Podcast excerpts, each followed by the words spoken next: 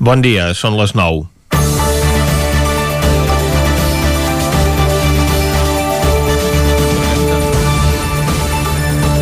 La matinada d'aquest dimarts es va arribar al milió de morts provocats per la Covid-19 segons el recompte de la Universitat John Hopkins. El percentatge correspondria a una de cada 33 persones diagnosticades. Unes xifres esfereïdores que posen de manifest la magnitud d'aquesta pandèmia global i el seu irreparable cost en vides humanes. Els Estats Units lideren aquest trist rànquing amb una cinquena part de les víctimes. El Brasil arriba ja als 142.000 morts i la Índia s'acosta als 100.000. Les xifres queden lluny de la grip espanyola de 1918, però només 9 mesos igualen ja la de la grip asiàtica de 1955-57 o la grip de Hong Kong de 1968.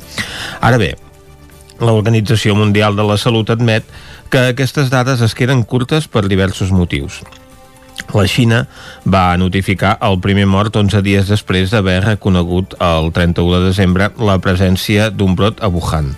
Ara ja ni ens n'en recordem del que va ser epicentre mundial del virus tal i com han controlat la situació al país asiàtic, que inicialment va voler ocultar la gravetat de la situació.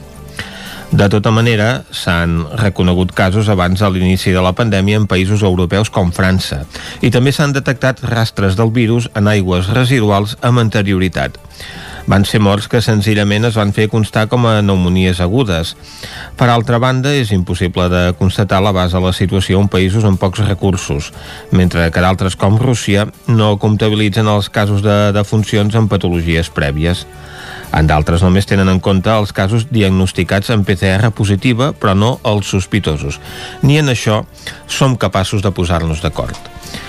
Una manera de poder passar comptes és comparant la taxa de mortalitat d'aquest any amb la d'anys previs, fet que permetria establir les comparances. Tampoc serviria per determinar xifres exactes perquè moltes de les persones grans que han mort de Covid-19 estaven afectades de diferents patologies que tampoc els donaven una gran esperança de vida. I després hi hauria les morts col·laterals, les afectades per les conseqüències del confinament o l'aïllament social que afecta sobretot moltes persones grans. Diumenge, en un parc de Madrid, s'organitzava un acte en el que es van plantar 53.000 banderes espanyoles en record de les víctimes de la pandèmia a l'estat espanyol. La xifra oficial de morts, però, és de 31.000 dels 716.000 casos diagnosticats, 164.000 dels quals a Catalunya. El cas és que aquestes 53.000 persones homenatjades per l'Associació Nacional de Víctimes i Afectats per Coronavirus per satisfacció de l'ultradreta són les que han mort de més a l'estat espanyol de les que serien esperables. Als Estats Units, l'accés de mortalitat el mes passat era de 200.000 persones, quan els morts oficials de coronavirus eren de 140.000. Alguna cosa no estem fent bé. Comencem Territori 17 a la sintonia del 9 FM, una codinenca, Ràdio Cardedeu, la veu de Sant Joan i el 9 TV. Territori 17, amb Vicenç Vigues i Jordi Sunyer. Són les 9 i 3 minuts i mig del dimecres, dia 30 de setembre de 2020, darrer dia del mes de setembre. I arrenca ara mateix un Territori 17 que avui, entre d'altres, comptarà amb la secció de lletra ferits. Per tant, parlarem de literatura, també tindrem una nova eh, entrega del Territori Sostenible. Avui parlarem de carbasses. I per acabar, al punt de les 12 del migdia, el que farem és un repàs a l'agenda cultural per aquest cap de setmana també al nostre territori. Ara, però, i com sempre, el que fem és arrencar fent un repàs a l'actualitat de les comarques del Ripollès, Osona, el Moianès i el Vallès Oriental.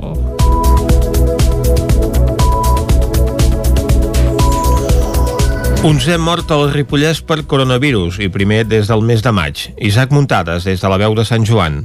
Un pacient de 78 anys i amb patologies prèvies greus va morir aquest dimarts de coronavirus, segons va informar l'Hospital de Camp de Bànol. Aquesta és l'onzena mort registrada al centre sanitari des de l'inici de la pandèmia al mes de març i la primera que es produeix des del passat 15 de maig. Des del començament de la crisi sanitària, l'Hospital Camp de Banolenc i l'àrea bàsica de salut de Ribes de Freser Camp de Bànol han diagnosticat 171 casos positius per Covid-19 i han donat 86 altes hospitalàries. Cal dir que actualment hi ha dos pacients ingressats amb la malaltia i només un professional sanitari aïllat. Pel que fa a l'índex de risc de rebrot, tot, tota la comarca del Ripollès està pintada de color verd, amb l'excepció de Ripoll, que el té alt, amb 126,87 punts. Allà s'hi han diagnosticat 29 casos confirmats en PCR els últims 14 dies, però només 8 dels quals es corresponen a la darrera setmana. La situació no és preocupant perquè la taxa de reproducció de l'epidèmia està lluny de l'1 i es queda en 0,52 punts. A Sant Joan de les Abadeses ja fa dies que el rebrot que va haver-hi a finals d'agost i principis de setembre està controlat i no s'ha confirmat ni un sol cas en els darrers 14 dies. Pel que fa als centres educatius, al Ripollès la situació és força bona i no ha variat gaire en els darrers dies. Actualment continua havent-hi dos grups confinats, un de P5 de l'Escola Badruna de Ripoll i un de batxillerat de l'Institut Abat Oliva, també a la capital del Ripollès. En total hi ha 58 persones confinades, una de les quals és de l'Institut Germans Vilarriera de Camprodon, que no ha tingut més transcendència. D'altra banda, ja s'han detectat quatre positius, dos a l'Escola Badruna, un a l'Institut i un altre al Ramon Sorinyac de Ripoll, el qual no ha comportat l'aïllament de cap persona. En principi, les dues classes que es van confinar el passat dia 22 podran tornar a la normalitat el pròxim dilluns, quan s'acabin els 14 dies de quarantena obligatòria per evitar més contagis. Manlleu va viure aquest dilluns la darrera jornada del cribratge massiu. Entre les proves que s'han realitzat durant tres dies al casal cívic Frederica Montseny i el cribratge que es va fer dijous a l'escola Puigdegut, gairebé 1.600 persones s'han sotmès a la PCR, una xifra que per Àlex Garrido, alcalde de Manlleu, permet tenir una fotografia real de quina és la situació de pandèmia que es viu actualment al municipi. I és per aquest motiu que el consistori no descarta realitzar nous cribratges, per exemple, a l'Institut Antoni Pous, si la situació del centre, on actualment hi ha 10 grups i 224 persones confinades, no millora, Àlex Garrido. La xifra d'aules eh, confinades a l'Institut Antoni Pous és molt, molt elevada. També és cert que és eh, el centre escolar de secundària més gran de la nostra ciutat i si s'escau doncs també intentarem incidir en el departament perquè faci un cribatge massiu a l'Institut Antoni Pous. Mentrestant, Manlleu ja ha fet una proposta al Departament de Salut perquè les persones amb dificultats per fer aïllament puguin complir la quarantena. Proposen l'antic costal de Can Xaran.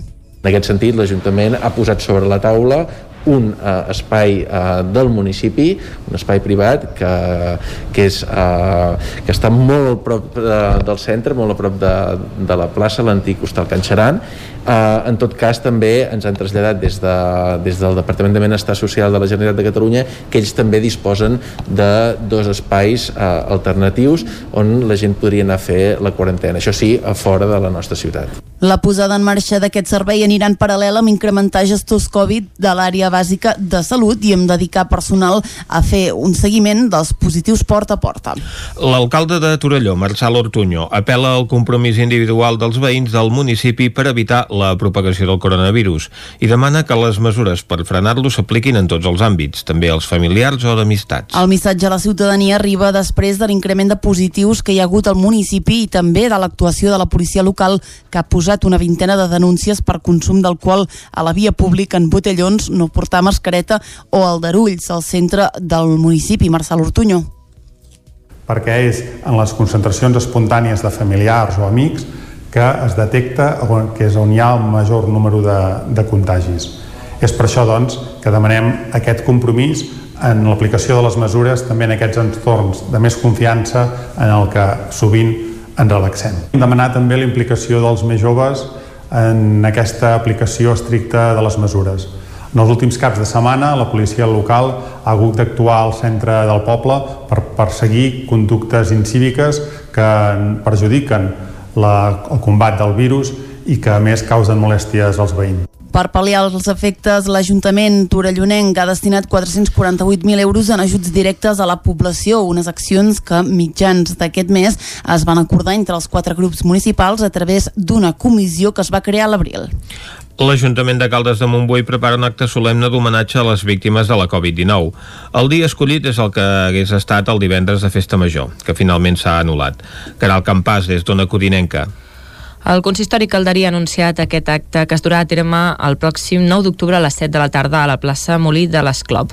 L'esdeveniment vol ser un homenatge a les víctimes i al mateix temps un agraïment a les persones que treballen de manera incansable per fer front a la pandèmia. La regidora de Cultura, Laia Cuscó, explica el, trigne, el triple significat del títol de l'acte, Record. Record perquè volem recordar totes les persones que ens han deixat, Record que també es pot dir rècord, que és el rècord que han fet tots els sanitaris i la, la gent que ha estat lluitant, i també rècord vol dir gravar, que se'ns quedi gravat a la memòria tot el que ha passat perquè sigui un aprenentatge i seguim, seguim lluitant amb, uh, tenint aquesta experiència i que n'aprenguem i que realment siguem valents per fer front al que ens espera, que no serà fàcil. Es podrà seguir en streaming a través del canal de YouTube de l'Ajuntament i per BOTV. L'espai permet l'aforament d'una setantena de persones, mantenint la distància de seguretat i per accedir-hi s'ha d'adquirir entrada prèviament a través del web del consistori. L'alcalde oferirà un tast, l'acte, perdó, oferirà un tast de tres disciplines artístiques que provenen del Cens Cultural Calderí. Anna Macau, de la companyia de dansa Silver Drops, Marçal Pàmies, del grup de música Terra, i Esther Tenedor, des de la seva vessant pictòrica i construint una il·lustració en directe. A més de les manifestacions culturals, l'acte comptarà amb dues manifestacions testimonials del que ha suposat l'experiència de la Covid-19 al municipi. La 23a edició del Festus va tornar a portar propostes particulars a Torelló. Les baixes temperatures del cap de setmana es van sumar als obstacles de la Covid-19, però l'esperit de les arts de carrer es va poder mantenir. El Festival d'Arts al carrer de Torelló va tornar a portar propostes curioses i diferents. En aquest cas, però, no va ser al carrer, sinó als Jardins Vicenç Pujol, que igual que per la Festa Major, van tornar a centralitzar tota l'activitat. Les baixes temperatures d'aquest cap de setmana no van ajudar amb l'assistència als espectacles, però tot i això es va mantenir l'essència amb espectacles de circ, música i dansa que ni la pluja que va caure dissabte al vespre va poder deslluir.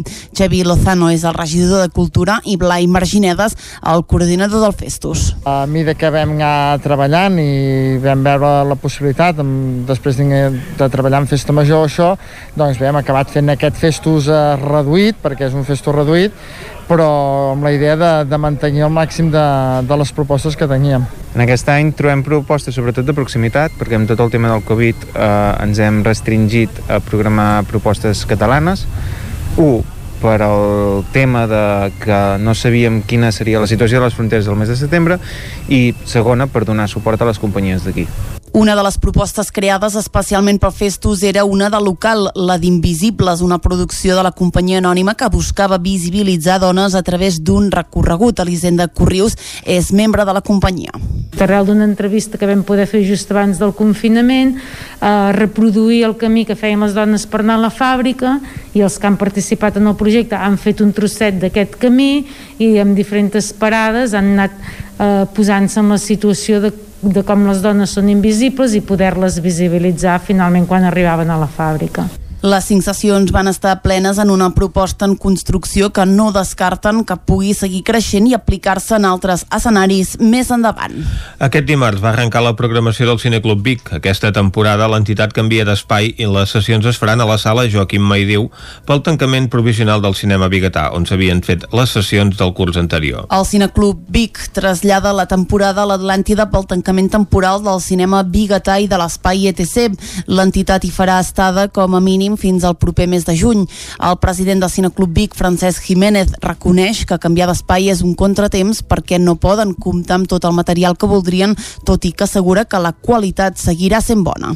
Seria ideal doncs, tenir una màquina de 35, el projector que ja fem, utilitzem habitualment, i el DCP que teníem al Bigatà. Val? Aquí, en aquesta sala, només disposarem del nostre projector, Dic només que, és, que, que ja sabeu que en, en Quim Cruselles eh, és, és molt fi amb aquestes coses i per tant garantim sessions de màxima qualitat. Jiménez explica que van saber mitjans d'agost que el Bigatà no obriria les portes. Apunta que de seguida van veure l'Atlàntida com una alternativa i en pocs dies van tancar un conveni. Montse Catllà és la directora general de l'Atlàntida. Es tracta d'un acord d'ús d'aquest espai on ens trobem ara, de la sala Joaquim Maideu, per aquesta temporada, eh, en espera de que, de que pugueu anar a la vostra seu definitiva. Ja hem fet algunes coses compartides amb Cineclub, molt puntuals, però ens agradaria que d'aquesta convivència, eh, d'aquest veïnatge que establirem promptament, doncs en pugui sortir un projecte compartit a més llarg plaç i independentment de la ubicació de Cineclub. L'inici de la programació s'ha endarrerit una setmana respecte a la data habitual de cada tardor. Les sessions familiars del Cine Club Xic recuperen el seu horari habitual i es faran els diumenges a partir de les 5 de la tarda. Esports. Maria Teixidor dimiteix com a presidenta del Circuit de Catalunya en tan sols dos mesos al càrrec. David Auladell, de Ràdio Televisió Cardedeu. La renovació de la Fórmula 1 és el principal repte que té per davant el circuit de Montmeló.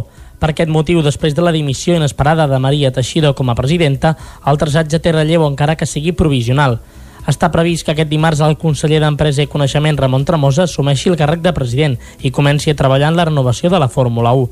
Ramon Tremosa, nou president del circuit de Montmeló. Vam conèixer divendres a la tarda la dimissió de la presidenta i doncs, eh, com que tenim el mes d'octubre de tancar la renovació de la Fórmula 1, doncs m'hi he posat jo provisionament al capdavant per garantir la continuïtat d'aquest esdeveniment que deixa un gran impacte econòmic a Catalunya. Hem pogut parlar amb el president de Dorna i la seva voluntat eh, és de continuïtat a partir de l'any vinent. Des de la direcció del circuit de Montmeló asseguren que aquest canvi no modifica la manera de treballar de l'equipament.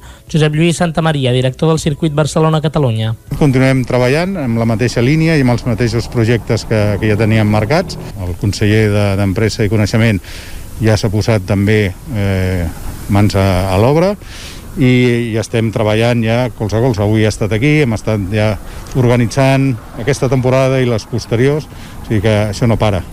La inesperada dimissió de Marta Teixidor es produeix gairebé dos mesos més tard d'haver arribat al càrrec.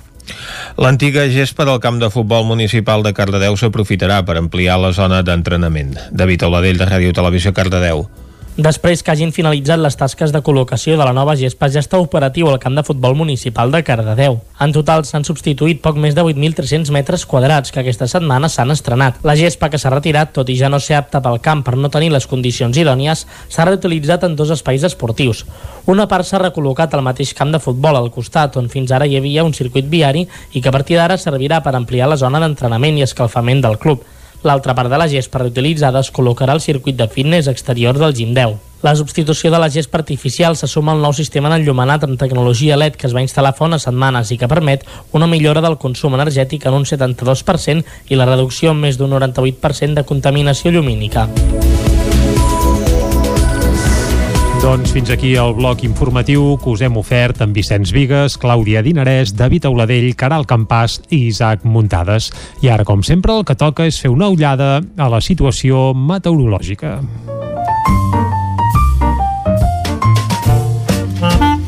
Casa Terradellos us ofereix el temps. I a Territori 17, quan parlem del temps, parlem amb el Pep Acosta, a qui saludem ara mateix. Pep, molt bon dia. Hola, última informació meteorològica d'aquest mes de setembre. Ah, del setembre. Ja s'acaba el setembre. Sí, sí. I Avui. ho fa, de moment, de moment, Mhm. amb molta tranquil·litat. bueno, de moment i final, perquè al setembre ja no hi haurà cap més dia.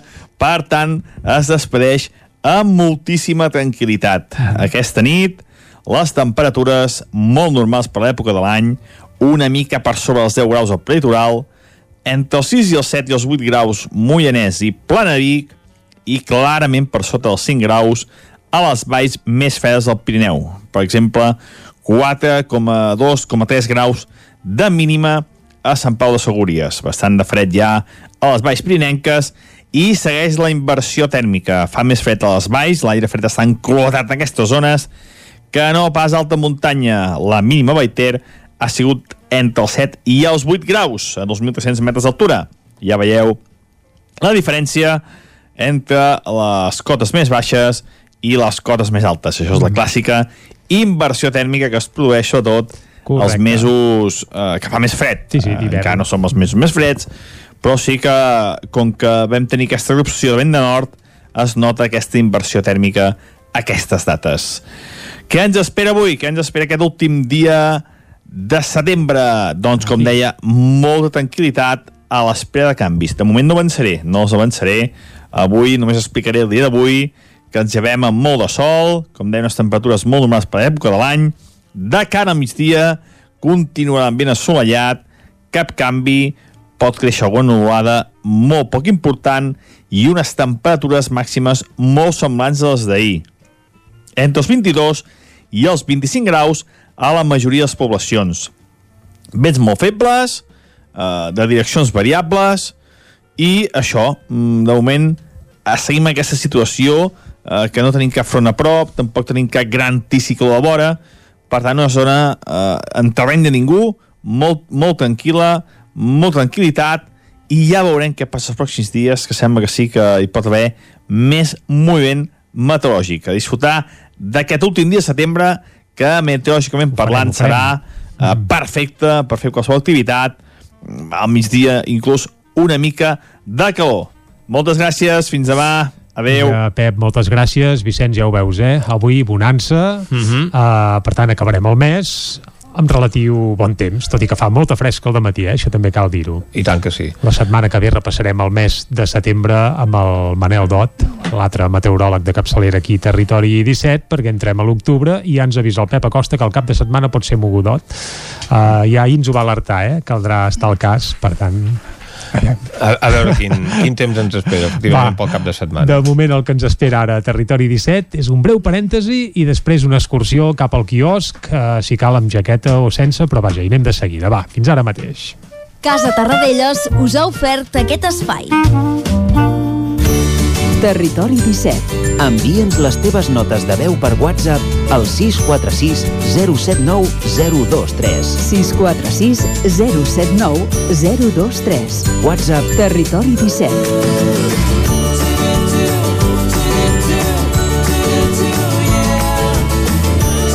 Territori 17. Som a Facebook, Twitter i Instagram amb l'usuari Territori 17.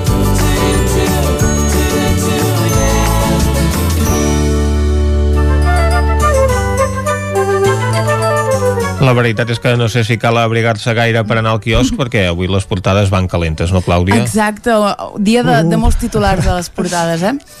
En fi, comencem bon dia de nou amb el punt avui que diu compàs d'espera, confusió perquè la Moncloa no publica el BOE al cessament de Torra. Junts per Catalunya i Esquerra pacten que ningú no farà de president durant l'interinatge.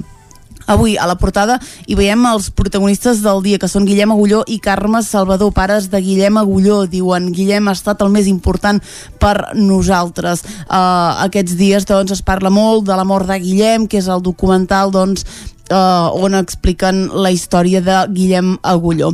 Més coses, l'Audiència Nacional absol Rodrigo Rato i la cúpula de Bànquia és un titular que veurem en absolutament totes les portades d'aquest dimecres. El tribunal considera que la sortida a la borsa tenia el vistiplau dels supervisors. Pacte a última hora per prorrogar el ZERTO fins al 31 de gener, un titular que ja s'insinuava a les portades, i hi haurà tres tipus d'expedients amb bonificacions específiques en funció de l'afectació del sector. Madrid reclama la unificació de mesures anticovid a les grans ciutats i Illa ho accepta.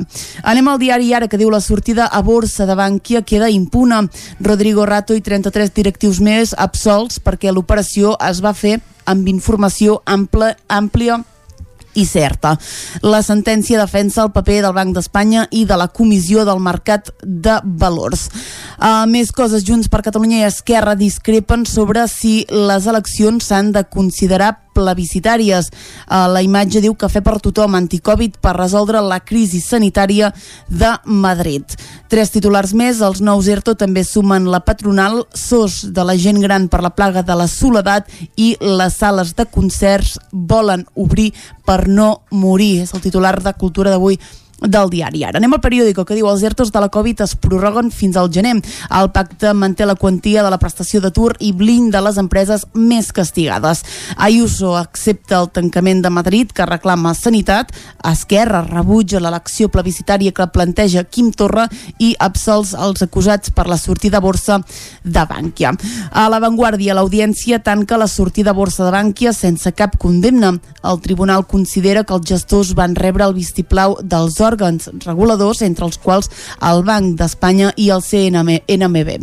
La substitució de Torra, prevista per avui, recordem que és, estem en la setmana de la inhabilitació, el govern i Madrid pacten unificar criteris en ciutats de més de 100.000 habitants i l'exempció de cotització dels ERTO prorrogats podrà ser de fins al 100%. Anem a veure què treuen en portada els diaris de Madrid. Comencem pel país que diu el pacte de Sanitat i Madrid aboca confinar la capital. Illa fixa criteris territoris nacionals que per ara només afectaran a la Comunitat de Madrid. Absolts tots els acusats per la sortida borsa de Bankia.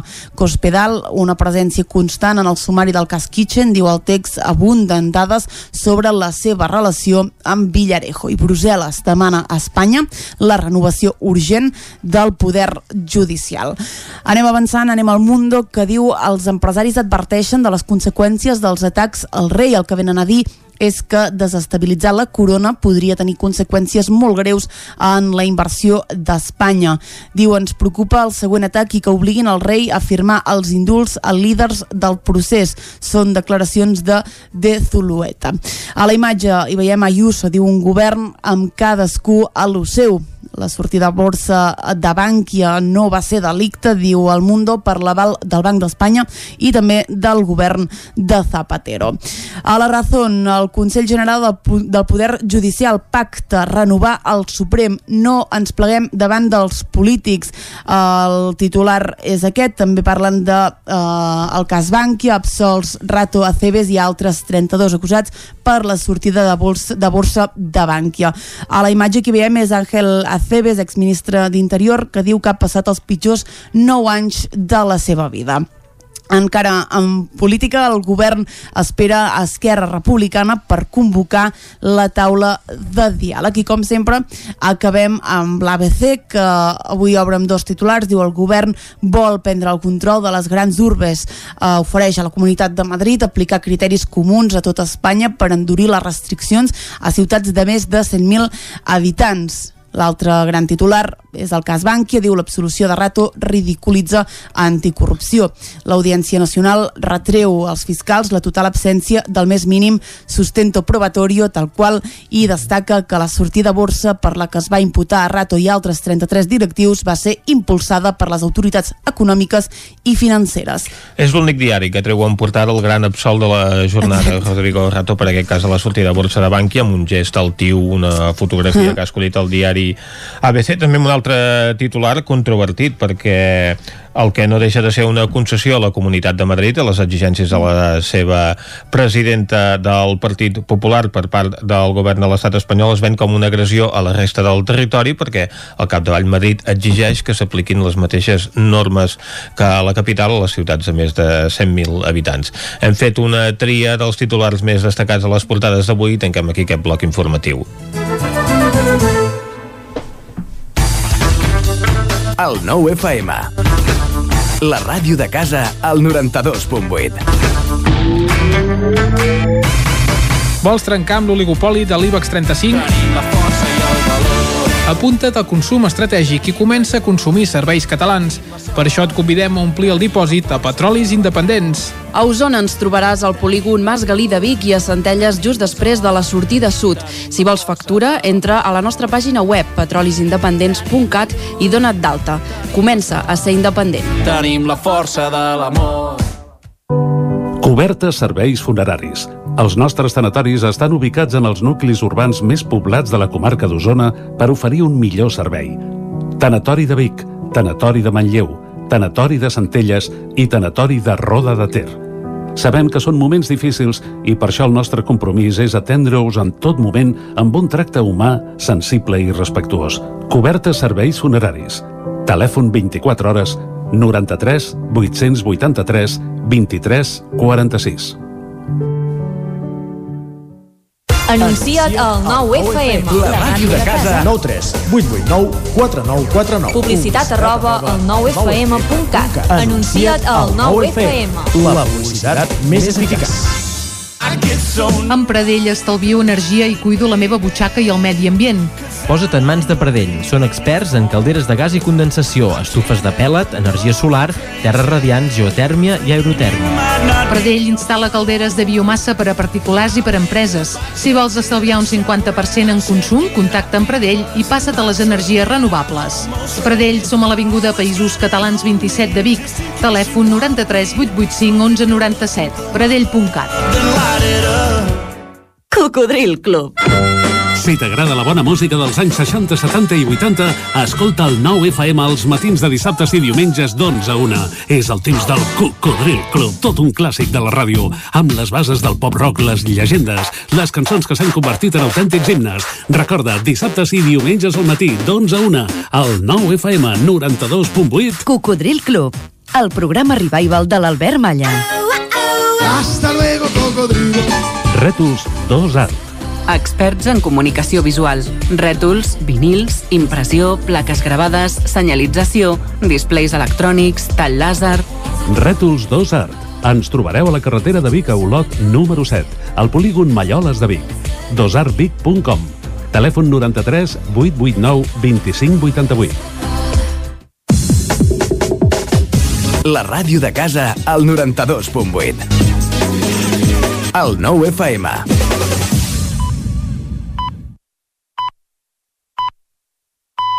Territori 17, amb Vicenç Vigues i Jordi Sunyer.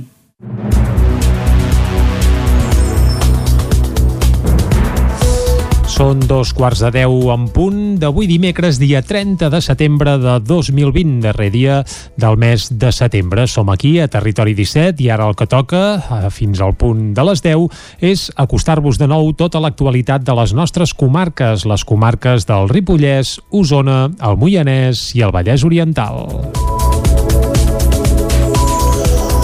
Zen mort al Ripollès per coronavirus i primer des del mes de maig. Isaac Muntades, des de la veu de Sant Joan. Un pacient de 78 anys i amb patologies prèvies greus va morir aquest dimarts de coronavirus, segons va informar l'Hospital de Camp de Bànol. Aquesta és l'onzena mort registrada al centre sanitari des de l'inici de la pandèmia al mes de març i la primera que es produeix des del passat 15 de maig. Des del començament de la crisi sanitària, l'Hospital Camp de Banolenc i l'àrea bàsica de salut de Ribes de Freser Camp de Bànol han diagnosticat 171 casos positius per Covid-19 i han donat 86 altes hospitalàries. Cal dir que actualment hi ha dos pacients ingressats amb la malaltia i només un professional sanitari aïllat. Pel que fa a l'índex de risc de rebrot, tota la comarca del Ripollès està pintada de color verd, amb l'excepció de Ripoll, que el té alt, amb 126,87 punts. Allà s'hi han diagnosticat 29 casos confirmats en PCR els últims 14 dies, però només 8 dels quals es corresponen a la darrera setmana. La situació no és preocupant perquè la taxa de reproducció de l'epidèmia està lluny de l'1 i es queda en 0,52 punts. A Sant Joan de les Abadeses ja fa dies que el rebrot que va haver-hi a finals d'agost i principis de setembre està controlat i no s'ha confirmat ni un sol cas en els darrers 14 dies. Pel que fa als centres educatius, el Ripollès la situació és força bona i no ha variat gaire en els darrers dies. Actualment continua havent-hi dos grups confinats, un de P5 de l'Escola Badruna de Ripoll i un de batxillerat de l'Institut Abat Oliva, també a la capital del Ripollès. En total hi ha 58 persones confinades, una de les quals és de l'Institut Germans Vilarriera de Camprodon, que no ha tingut més transcendència. D'altra banda, ja s'han detectat quatre positius, dos a l'Escola Badruna, un a l'Institut i un altre al Ramon Sorinyac de Ripoll, el qual no ha comportat l'aïllament de cap persona. En principi, les dues classes que es van confinar el passat dia 22 podran tornar a la normalitat el pròxim dilluns, quan s'acabin els 14 dies de quarantena obligatòria per evitar més contagis. Manlleu va viure aquest dilluns la darrera jornada del cribratge massiu. Entre les proves que s'han realitzat durant tres dies al casal cívic Frederica Montseny i el cribratge que es va fer dijous a l'escola Puigdegut, gairebé 1.600 persones s'han sotmès a la PCR, una xifra que per Àlex Garrido, alcalde de Manlleu, permet tenir una fotografia real de quina és la situació de pandèmia que es viu actualment al municipi. I és per aquest motiu que el consistori no descarta realitzar nous cribratges, per exemple, a l'Institut Antoni Pous, si la situació del centre, on actualment hi ha 10 grups i 224 persones confinades, no millora, Àlex Garrido. La xifra d'aules eh, confinades a l'Institut Antoni Pous és molt, molt elevada. També és cert que és eh, el centre escolar de secundària més gran de la nostra ciutat i si s'escau doncs també intentarem incidir en el departament perquè faci un cribatge massiu a l'Institut Antoni Pous. Mentrestant, Manlleu ja ha fet una proposta al Departament de Salut perquè les persones amb dificultats per fer aïllament puguin complir la quarantena. Proposen l'antic costal de Can Xaran.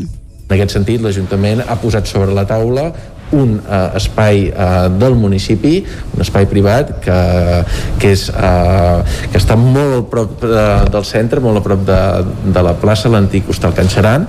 Eh, en tot cas, també ens han traslladat des, de, des del Departament de Benestar Social de la Generalitat de Catalunya que ells també disposen de dos espais eh, alternatius on la gent podria anar a fer la quarantena. Això sí, a fora de la nostra ciutat. La posada en marxa d'aquest servei anirà en paral·lel amb incrementar gestors Covid de l'àrea bàsica de salut i amb dedicar personal a fer un seguiment dels positius porta a porta. L'alcalde de Torelló, Marçal Ortuño, apela al compromís individual dels veïns del municipi per evitar la propagació del coronavirus i demana que les mesures per frenar-lo s'apliquin en tots els àmbits, també als familiars o d'amistats. El missatge a la ciutadania arriba després de l'increment de positius que hi ha hagut al municipi i també de l'actuació de la policia local que ha posat una vintena de denúncies per consum d'alcohol a la via pública en botellons, no portar mascareta o aldarulls al centre del municipi. Marçal Ortuño perquè és en les concentracions espontànies de familiars o amics que es detecta que és on hi ha el major número de, de contagis. És per això, doncs, que demanem aquest compromís en l'aplicació de les mesures també en aquests entorns de més confiança en el que sovint ens relaxem. Demanar també la implicació dels més joves en aquesta aplicació estricta de les mesures. En els últims caps de setmana, la policia local ha hagut d'actuar al centre del poble per perseguir conductes incíviques que perjudiquen la, el combat del virus i que a més causen molèsties als veïns. Per pal·liar els efectes, l'Ajuntament torellonenc ha destinat 448.000 euros en ajuts directes a la població, unes accions que mitjans d'aquest mes es van acordar entre els quatre grups municipals a través d'una comissió que es va crear a l'abril. L'Ajuntament de Caldes de Montbui prepara un acte solemne d'homenatge a les víctimes de la Covid-19. El dia escollit és el que hagués estat el divendres de Festa Major, que finalment s'ha anul·lat. Caral Campàs, des d'Ona Codinenca. El consistori calderí ha anunciat aquest acte que es durà a terme el pròxim 9 d'octubre a les 7 de la tarda a la plaça Molí de l'Esclop. L'esdeveniment vol ser un homenatge a les víctimes i al mateix temps un agraïment a les persones que treballen de manera incansable per fer front a la pandèmia. La regidora de Cultura, Laia Cuscó, explica el, trigne, el triple significat del títol de l'acte, record. Record perquè volem recordar totes les persones que ens han deixat, Record que també es pot dir rècord, que és el rècord que han fet tots els sanitaris i la, la gent que està lluitant. I també rècord vol dir gravar, que se'ns quedi gravat a la memòria tot el que ha passat perquè sigui un aprenentatge i seguim, seguim lluitant amb, uh, tenint aquesta experiència que n'aprenguem i que realment siguem valents per fer front al que ens espera, que no serà fàcil. Es podrà seguir en streaming a través del canal de YouTube de l'Ajuntament i per BOTV. L'espai permet l'aforament d'una setantena de persones, mantenint la distància de seguretat i per accedir-hi s'ha d'adquirir entrada prèviament a través del web del consistori. L'alcalde oferirà un tast, l'acte, perdó, oferirà un tast de tres disciplines artístiques que provenen del Cens Cultural Calderí. Anna Macau, de la companyia de dansa Silver Drops, Marçal Pàmies, del grup de música Terra, i Esther Tenedor, des de la seva vessant pictòrica i construint una il·lustració en directe l'acte. A més de les manifestacions culturals, l'acte comptarà amb dues manifestacions testimonials del que ha suposat l'experiència de la Covid-19 al municipi. La 23a edició del Festus va tornar a portar propostes particulars a Torelló. Les baixes temperatures del cap de setmana es van sumar als obstacles de la Covid-19, però l'esperit de les arts de carrer es va poder mantenir. El Festival d'Arts al carrer de Torelló va tornar a portar propostes curioses i diferents. En aquest cas, però, no va ser al carrer, sinó als Jardins Vicenç Pujol, que igual que per la Festa Major, van tornar a centralitzar tota l'activitat. Les baixes temperatures d'aquest cap de setmana no van ajudar amb l'assistència als espectacles espectacles, però tot i això es va mantenir l'essència amb espectacles de circ, música i dansa que ni la pluja que va caure dissabte al vespre va poder deslluir. Xavi Lozano és el regidor de Cultura i Blai Marginedes, el coordinador del Festus. A mesura que vam anar treballant i vam veure la possibilitat, després de treballar en Festa Major això, doncs bé, hem acabat fent aquest Festus eh, reduït, perquè és un Festus reduït, però amb la idea de, de mantenir el màxim de, de les propostes que teníem. En aquest any trobem propostes sobretot de proximitat, perquè amb tot el tema del Covid eh, ens hem restringit a programar propostes catalanes. Un, per al tema de que no sabíem quina seria la situació de les fronteres del mes de setembre i segona per donar suport a les companyies d'aquí. Una de les propostes creades especialment pel Festus era una de local, la d'Invisibles, una producció de la companyia anònima que buscava visibilitzar dones a través d'un recorregut. Elisenda Corrius és membre de la companyia. Arrel d'una entrevista que vam poder fer just abans del confinament, eh, reproduir el camí que fèiem les dones per anar a la fàbrica i els que han participat en el projecte han fet un trosset d'aquest camí i amb diferents parades han anat eh, posant-se en la situació de de com les dones són invisibles i poder-les visibilitzar finalment quan arribaven a la fàbrica. Les cinc sessions van estar plenes en una proposta en construcció que no descarten que pugui seguir creixent i aplicar-se en altres escenaris més endavant. Aquest dimarts va arrencar la programació del Cineclub Vic. Aquesta temporada l'entitat canvia d'espai i les sessions es faran a la sala Joaquim Maidiu pel tancament provisional del cinema biguetà, on s'havien fet les sessions del curs anterior. El Cineclub Vic trasllada la temporada a l'Atlàntida pel tancament temporal del cinema biguetà i de l'espai ETC. L'entitat hi farà estada com a mínim mínim fins al proper mes de juny. El president del Cineclub Vic, Francesc Jiménez, reconeix que canviar d'espai és un contratemps perquè no poden comptar amb tot el material que voldrien, tot i que assegura que la qualitat seguirà sent bona. Seria ideal doncs, tenir una màquina de 35, el projector que ja fem, utilitzem habitualment, i el DCP que teníem al Bigatà. Val? Aquí, en aquesta sala, només disposarem del nostre projector, dic només que, és, que, que ja sabeu que en, en Quim Cruselles eh, és, és molt fi amb aquestes coses i per tant garantim eh, sessions de màxima qualitat Jiménez explica que van saber mitjans d'agost que el Bigatà no obriria les portes. Apunta que de seguida van veure l'Atlàntida com una alternativa i en pocs dies van tancar un conveni. Montse Catllà és la directora general de l'Atlàntida. Es tracta d'un acord d'ús d'aquest espai on ens trobem ara, de la sala Joaquim Maideu, per aquesta temporada, eh, en espera de que, de que pugueu anar a la vostra seu definitiva. Ja hem fet algunes coses compartides amb Cineclub, molt puntuals, però ens agradaria que d'aquesta convivència, eh, d'aquest veïnatge que establirem promptament, doncs en pugui sortir un projecte compartit a més llarg plaç i independentment de la ubicació de Cineclub. L'inici de la programació s'ha endarrerit una setmana respecte a la data habitual de cada tardor. Les sessions familiars del Cineclub Xic recuperen el seu horari habitual i es faran els diumenges a partir de les 5 de la tarda. Esports. Maria Teixidor dimiteix com a presidenta del Circuit de Catalunya en tan sols dos mesos al càrrec. David Auladell, de Ràdio Televisió Cardedeu. La renovació de la Fórmula 1 és el principal repte que té per davant el circuit de Montmeló. Per aquest motiu, després de la dimissió inesperada de Maria Teixidor com a presidenta, el traçat ja té relleu encara que sigui provisional. Està previst que aquest dimarts el conseller d'Empresa i Coneixement, Ramon Tremosa, assumeixi el càrrec de president i comenci a treballar en la renovació de la Fórmula 1. Ramon Tremosa, nou president del circuit de Montmeló. Vam conèixer divendres a la tarda la dimissió de la presidenta i doncs, eh, com que tenim el mes d'octubre de tancar la renovació de la Fórmula 1 doncs m'hi he posat jo provisionament al capdavant per garantir la continuïtat d'aquest esdeveniment que deixa un gran impacte econòmic a Catalunya. Hem pogut parlar amb el president de Dorna i la seva voluntat eh, és de continuïtat a partir de l'any vinent des de la direcció del circuit de Montmeló asseguren que aquest canvi no modifica la manera de treballar de l'equipament. Josep Lluís Santamaria, director del circuit Barcelona-Catalunya. Continuem treballant amb la mateixa línia i amb els mateixos projectes que, que ja teníem marcats. El conseller d'Empresa de, i Coneixement ja s'ha posat també eh, mans a, a l'obra i, i estem treballant ja colze a colze. Avui he estat aquí, hem estat ja organitzant aquesta temporada i les posteriors, o sigui que això no para. La inesperada dimissió de Marta Teixidor es produeix gairebé dos mesos més tard d'haver arribat al càrrec. L'antiga gespa del camp de futbol municipal de Cardedeu s'aprofitarà per ampliar la zona d'entrenament. David Oladell, de Ràdio Televisió Cardedeu. Després que hagin finalitzat les tasques de col·locació de la nova gespa, ja està operatiu el camp de futbol municipal de Cardedeu. En total s'han substituït poc més de 8.300 metres quadrats que aquesta setmana s'han estrenat. La gespa que s'ha retirat, tot i ja no ser apta pel camp per no tenir les condicions idònies, s'ha reutilitzat en dos espais esportius.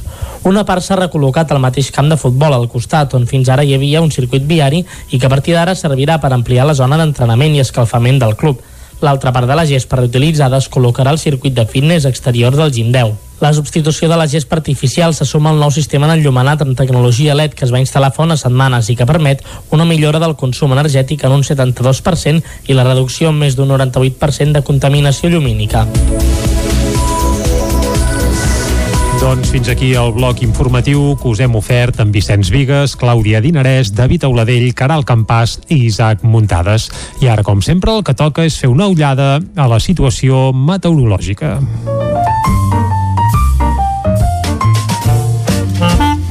Casa Terradellos us ofereix el temps. I a Territori 17, quan parlem del temps, parlem amb el Pep Acosta, qui saludem ara mateix. Pep, molt bon dia.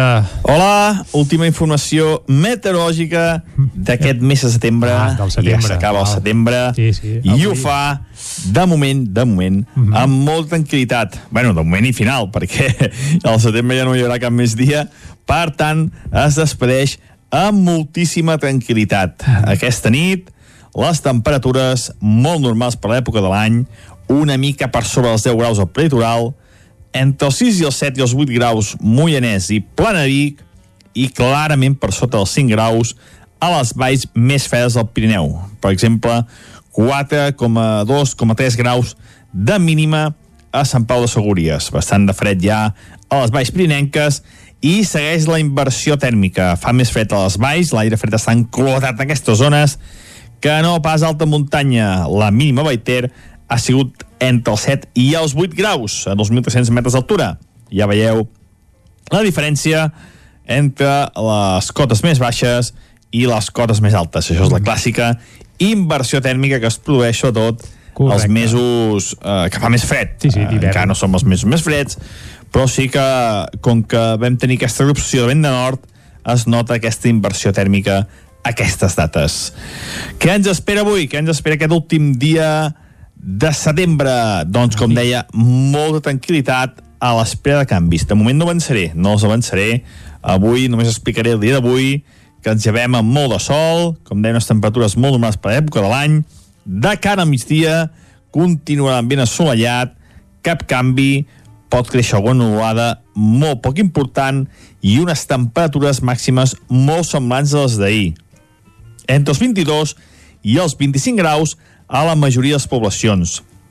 Vents molt febles, eh, de direccions variables, i això, mm, de moment, eh, seguim aquesta situació eh, que no tenim cap front a prop, tampoc tenim cap gran anticicló a la vora, per tant, una zona eh, en terreny de ningú, molt, molt tranquil·la, molt tranquil·litat, i ja veurem què passa els pròxims dies, que sembla que sí que hi pot haver més moviment meteorològic. A disfrutar d'aquest últim dia de setembre, que meteorològicament parlant farem. serà eh, perfecte per fer qualsevol activitat, mm, al migdia inclús una mica de calor.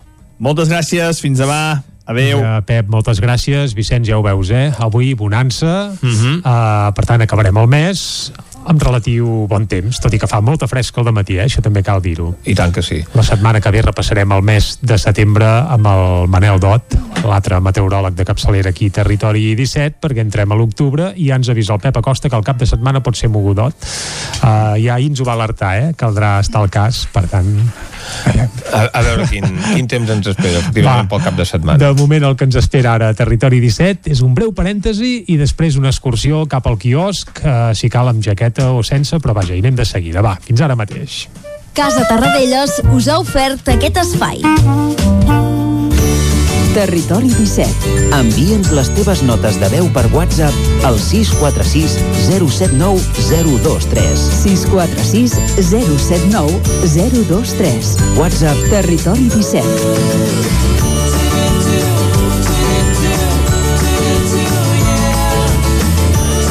Territori 17. Som a Facebook, Twitter i Instagram amb l'usuari Territori 17.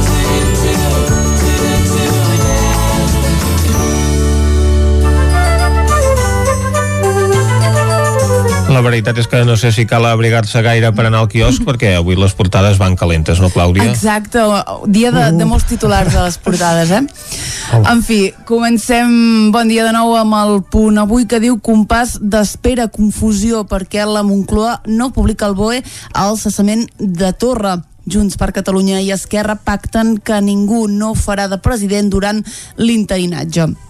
Avui a la portada hi veiem els protagonistes del dia, que són Guillem Agulló i Carme Salvador, pares de Guillem Agulló. Diuen, Guillem ha estat el més important per nosaltres. Uh, aquests dies doncs, es parla molt de la mort de Guillem, que és el documental doncs, uh, on expliquen la història de Guillem Agulló.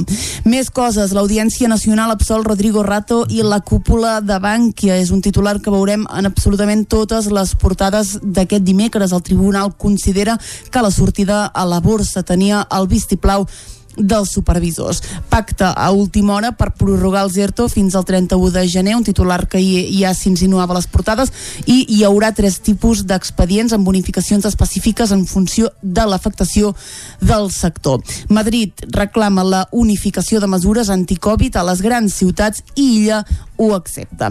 Anem al diari ara que diu la sortida a borsa de Bankia queda impuna.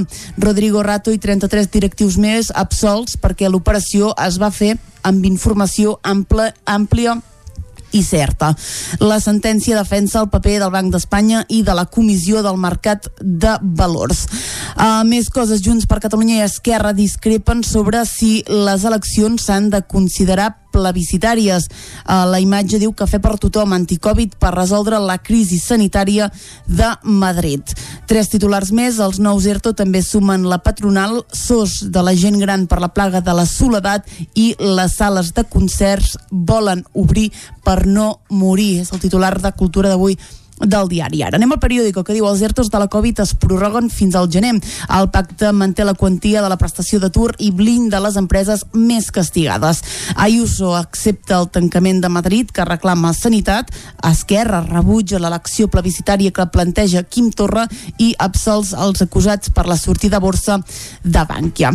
A l'avantguàrdia, l'audiència tanca la sortida borsa de Bànquia sense cap condemna. El tribunal considera que els gestors van rebre el vistiplau dels òrgans reguladors, entre els quals el Banc d'Espanya i el CNMB. La substitució de Torra prevista per avui, recordem que és, estem en la setmana de la inhabilitació, el govern i Madrid pacten unificar criteris en ciutats de més de 100.000 habitants i l'exempció de cotització dels ERTO prorrogats podrà ser de fins al 100%. Anem a veure què treuen en portada els diaris de Madrid. Comencem pel país que diu el pacte de sanitat i Madrid aboca confinar la capital. Illa fixa criteris nacionals que per ara només afectaran a la comunitat de Madrid. Absolts tots els acusats per la sortida a borsa de Bànquia. Cospedal, una presència constant en el sumari del cas Kitchen, diu el text abunden dades sobre la seva relació amb Villarejo. I Brussel·les demana a Espanya la renovació urgent del poder judicial. Anem avançant, anem al Mundo, que diu els empresaris adverteixen de les conseqüències dels atacs al rei, el que venen a dir és que desestabilitzar la corona podria tenir conseqüències molt greus en la inversió d'Espanya. Diu, ens preocupa el següent atac i que obliguin el rei a firmar els indults a líders del procés. Són declaracions de De Zulueta. A la imatge hi veiem Ayuso, diu un govern amb cadascú a lo seu. La sortida a borsa de Bànquia no va ser delicte, diu el Mundo, per l'aval del Banc d'Espanya i també del govern de Zapatero. A la Razón, el Consell General del, Poder Judicial pacta renovar el Suprem. No ens pleguem davant dels polítics. El titular és aquest. També parlen de eh, el cas Bànquia, absolts Rato Aceves i altres 32 acusats per la sortida de borsa de, borsa de Bànquia. A la imatge que veiem és Àngel Aceves, exministre d'Interior, que diu que ha passat els pitjors 9 anys de la seva vida. Encara en política, el govern espera Esquerra Republicana per convocar la taula de diàleg. I com sempre, acabem amb l'ABC, que avui obre amb dos titulars. Diu el govern vol prendre el control de les grans urbes. Eh, ofereix a la Comunitat de Madrid aplicar criteris comuns a tota Espanya per endurir les restriccions a ciutats de més de 100.000 habitants. L'altre gran titular és el cas Bànquia, diu l'absolució de Rato ridiculitza anticorrupció. L'Audiència Nacional retreu als fiscals la total absència del més mínim sustento probatorio, tal qual, i destaca que la sortida a borsa per la que es va imputar a Rato i altres 33 directius va ser impulsada per les autoritats econòmiques i financeres. És l'únic diari que treu en portada el gran absolt de la jornada, Rodrigo Rato, per aquest cas a la sortida a borsa de Bànquia, amb un gest altiu, una fotografia que ha escollit el diari ABC, també amb un altre titular controvertit, perquè el que no deixa de ser una concessió a la Comunitat de Madrid, a les exigències a la seva presidenta del Partit Popular per part del govern de l'estat espanyol es ven com una agressió a la resta del territori perquè al capdavall Madrid exigeix que s'apliquin les mateixes normes que a la capital a les ciutats de més de 100.000 habitants. Hem fet una tria dels titulars més destacats a les portades d'avui i tanquem aquí aquest bloc informatiu. Doncs, Vicenç, tanquem el bloc informatiu i obrim el bloc musical. L'obrim cada dia fins a arribar al punt de les 10. Uh, I avui, aprofitant que ahir es commemorava la data, vaja, de la mort d'un dels músics, vaja, almenys per mi, eh, dels músics més estimats de l'escena catalana. és a dir, ahir va fer 7 anys de la mort del Josep Fortuny, bateria, poeta i, I músic ànima. amb majúscules i ànima i fundador de la companyia elèctrica d'Arma. Ahir es va commemorar aquest eh, setè aniversari de la seva sorprenent eh, defunció, perquè va ser allò així bastant sobtat. És a dir, no, no és que hi hagués ja algun... Vaja, com el seu germà també, eh, com l'Esteve, però en aquest cas als anys 80 i a Cardedeu, després d'una actuació a A Cardedeu. Major.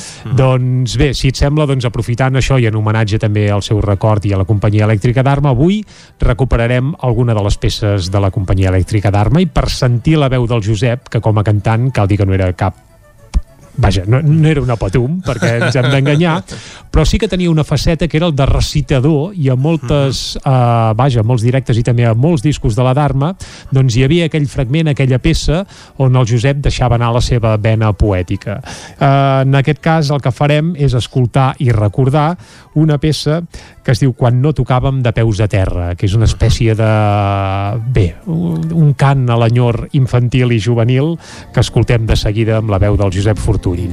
El disc que no es perdi aquest so. Escoltem-lo. venir, anirem enrere, enrere, enrere. Els dies de la nostra infantesa.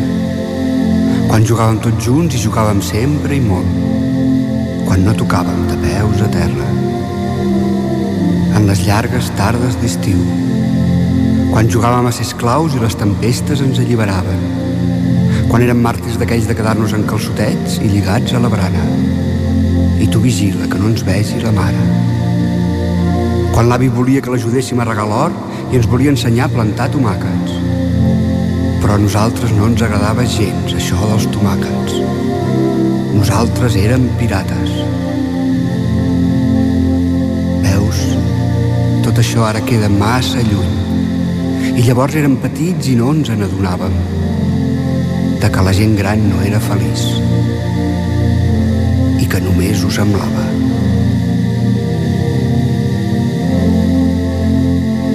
Vine, que anirem enrere. Si vols venir, anirem enrere, enrere, enrere. Abans érem el record que tenim ara. Mira el pintallavis vermell de la mare quan al mirall del rebedor ens hi apuntava el telèfon d'allà on anava. Mira aquells màrtirs tan valents que qualsevol racó del jardí donaven la seva vida, contents. Mira tots els racons d'aquell jardí on vam aprendre tantes coses, com per exemple que l'herba hi creixia tota sola.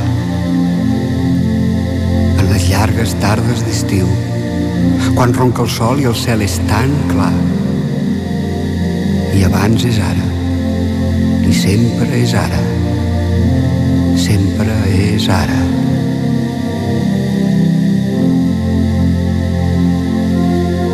Vine, que anirem enrere. Si vols venir, anirem enrere, enrere, enrere. Els dies de la nostra infantesa, quan jugàvem tots junts i jugàvem sempre i molt, quan vam fer aquell primer conjunt i assajàvem amb tantes ganes, i després, quan els cabells ja ens arribaven fins al cul i estaven passant coses molt estranyes, que ningú no les entenia del tot, però que ens arrossegaven i se'ns emportaven. I un dia vam fer una comuna i vam marxar de la nostra barriada. Vam anar a viure tots junts, primer a un pis petit que quasi sempre semblava els encants i més tard a una masia una mica tronada. I Això, Jordi, és la biografia de l'alarma, eh? Sí, sí, sí, és que aquí estan explicant la seva infantesa, la seva adolescència, ho expliquen una mica tot, i tot, evidentment, amb, amb la veu del Josep, eh, que era, com bé deies abans, l'ànima de la companyia elèctrica d'Arma, que, per cert, eh, continua activa, això sí, eh?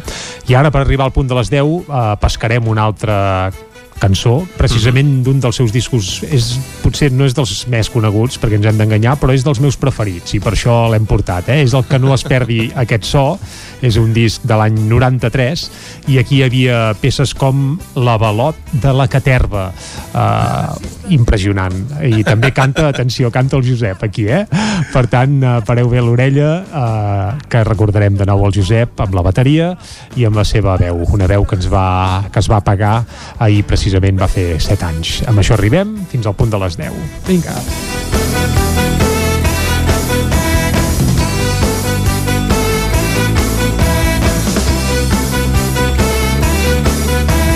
Força bruta i canons n'estem fins als. Força bruta i canons n'estem fins als. Força bruta i canons n'estem fins als.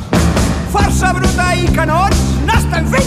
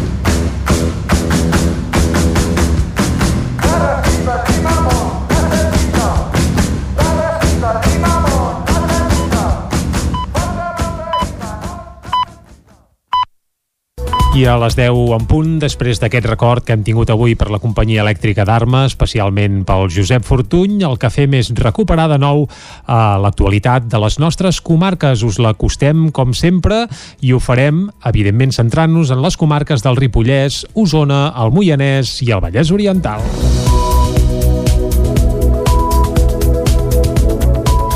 El pacte de govern que mantenien Junts per les Franqueses i el PSC des de l'any 2011 s'ha trencat després d'anunciar-ho ahir mateix l'alcalde de Junts, Francesc Colomer. David Oladell, de Ràdio Televisió, Cardedeu.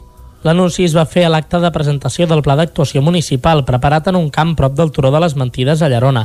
A l'acte només van compareixer regidors de Junts i el portaveu del PSC, Juan Antonio Corchado, i la regidora Marta Retxe van mirar l'acte a una distància prudencial. Colomer ha acusat el PSC de no compartir el projecte de govern, tot i que, malgrat totes les diferències polítiques, el govern de coalició ha estat positiu i finalment es mostrava disposat a governar en minoria la resta del mandat. Per la seva banda, el PSC, amb Juan Antonio Corchado com a portaveu, ha acusat a Junts de trencar el pacte de manera unilateral, sense arribar a consens, i acusa l'alcalde de les franqueses per optar per una inestabilitat política a l'Ajuntament.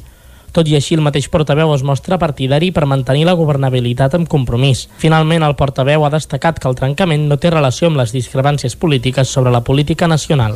Les obres d'ampliació del Centre de Salut de Caldes acabaran al març de l'any vinent. Ja fa més de mig any que les reformes haurien d'haver acabat, però la crisi sanitària les ha aturat durant diversos mesos. Caral Campàs, des d'Ona Codinenca. Representants del Departament de Salut han visitat aquesta setmana el CAP de Caldes de Montbui a petició de l'alcaldia. Durant la visita es va actualitzar la data de fi de les obres. La direcció de l'obra va traslladar a les autoritats presents l'endarreriment que ha assumit el projecte. El confinament va obligar a paralitzar les activitats de reforma. Tanmateix, ara la direcció considera l'obra encaminada de nou i amb un cronograma ferm que permetria a la població tenir un CAP a ple rendiment a la primavera de l'any 2021. Concretament, la primera fase fase que contempla l'ampliació de les sales de consulta hauria d'acabar aquest desembre i la previsió de posada en funcionament de l'edifici amb tota l'obra acabada se situa ara al març de 2021. El projecte suposa una millora dels equipaments i estructura del CAP per tal que pugui oferir una millor prestació de serveis, tant a Caldes de Montbui com a la resta dels municipis de l'àrea bàsica de salut que comprèn Sant Feliu de Codines i Gallifa. D'aquí un mes i mig, representants del Departament de Salut i l'Ajuntament de Caldes s'han emplaçat a una nova trobada per seguir l'evolució del projecte. Ribes de Freser aprova per unanimitat unes ordenances fiscals amb accent mediambiental.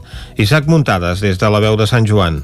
L'Ajuntament de Ribes de Freser va aprovar per unanimitat en el ple d'aquest dilluns les ordenances fiscals per l'exercici 2021. L'alcaldessa Mònica Sant Jaume de Junts per Ribes va explicar que les modificacions de les ordenances pivotaven sobre tres grans eixos. En primer lloc, la congelació de les taxes i els impostos per alleugerir la càrrega fiscal als vilatans davant de la crisi econòmica provocada per la Covid-19, l'impuls de la sostenibilitat mediambiental i, finalment, la millora de la regulació de les taxes que afecten el desenvolupament cultural i esportiu. El grup de Tots Fem Ribes Esquerra Republicana de Catalunya havia presentat una sèrie d'esmenes i, tot i algun d'art de la Batllessa, van acabar aprovant-ne una. Sant Jaume va dir-li a Joaquim Roquer de Tots Fem Ribes que s'haurien d'haver formulat abans de la comissió informativa o en el període d'exposició pública i no amb una instància entrada telemàticament el diumenge al vespre, just abans de la comissió i sense avisar. Tot i això, Junts per Ribes va estudiar les propostes encara que la majoria van ser declarades nules. Perquè o bé tenen en compte l'empadronament o la residència com a criteri per la formulació de beneficis fiscals, fet que atempta el principi d'igualtat davant de la llei, o bé perquè pretenen incorporar bonificacions als cinc impostos principals no autoritzades per llei, o bé també perquè en un intent d'incorporar mecanismes de fiscalitat progressiva estableix quotes que res tenen a veure amb el preu del servei i sí amb la condició econòmica de les famílies que el reben. Només es va salvar una bonificació de la taxa d'escombraries destinada a les famílies amb dificultats econòmiques, un fet que ja va ser considerat una victòria per Roquer. Els volíem agrair molt des del nostre grup haver tingut en compte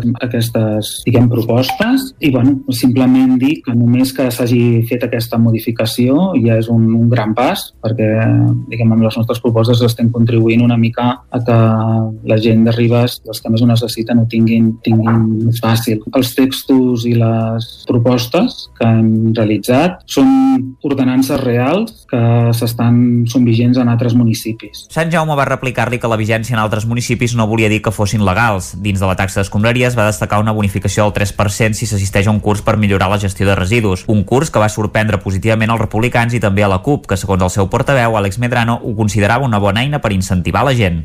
Els Mossos detenen un jove a Vic per robar en cotxes i intentar-ho en un caixer. Mossos d'Esquadra de la comissaria de Vic van detenir dijous un jove de Barcelona de 18 anys com a presumpte autor d'un delicte de furt a interior de vehicle, un delicte de robatori i amb força també a dins d'un cotxe i un d'estafa bancària en grau de tentativa. Els fets van tenir lloc la tarda de dijous quan agents de paisà estaven duent a terme patrullatge preventiu per la ciutat i se'ls va requerir al carrer historiador Raimon de Badal ja que acabaven de robar dins d'un cotxe estacionat en un pàrquing públic. Quan els agents van arribar al lloc van constatar que el lladre havia trencat els dos vidres de davant del turisme i que l'interior estava completament regirat. Poc després i amb la descripció facilitada per un testimoni, els Mossos van localitzar el presumpte autor al carrer Països Catalans, a prop de l'estació de tren. Els agents li van fer un seguiment discret i van observar com utilitzava diversos caixers automàtics de diferents entitats bancàries. Finalment el van interceptar i detenir a la Rambla de l'Hospital. En l'escorcoll se li van trobar un document nacional d'identitat que corresponia a la víctima d'un furt a l'interior d'un turisme perpetrat aquell mateix matí a la plaça Gaudí. La propietària d'un cotxe descarregava una sèrie de material quan el jove hauria aprofitat per agafar-li la bossa de mà amb dos telèfons mòbils, documentació personal i targetes de crèdit. Posteriorment, amb aquesta targeta hauria intentat treure sense èxit 500 euros en efectiu d'un caixer del carrer Passeig de la Generalitat. El detingut a qui li consten antecedents va passar a disposició del jutjat de Guàrdia de Vic dissabte, que en va decretar la seva llibertat en càrrecs. Albert Bosch inaugura el curs a les Masies de Voltregà. La xerrada d'Albert Bosch, que porta per títol L'actitud és la clau, inaugurarà el curs escolar a les Masies de Voltregà. Serà aquesta tarda a les 6 als jardins de la Casa Forta del Despujol. Bosch, que és aventurer, és també expert en la gestió de projectes ambiciosos molt lligats a la sostenibilitat. L'aprenentatge que n'ha tret és el que compartiran la xerrada en un moment incert com l'actual. Aquest dimarts va arrencar la programació del Cineclub Vic. Aquesta temporada l'entitat canvia d'espai i les sessions es faran a la sala Joaquim Maideu pel tancament provisional del cinema Vigatà, on s'havien fet les sessions en el curs anterior. El cinema, el Cineclub Vic trasllada la temporada a l'Atlàntida pel tancament temporal del cinema Vigatà i de l'espai EDC. L'entitat hi farà estada com a mínim fins al proper mes de juny.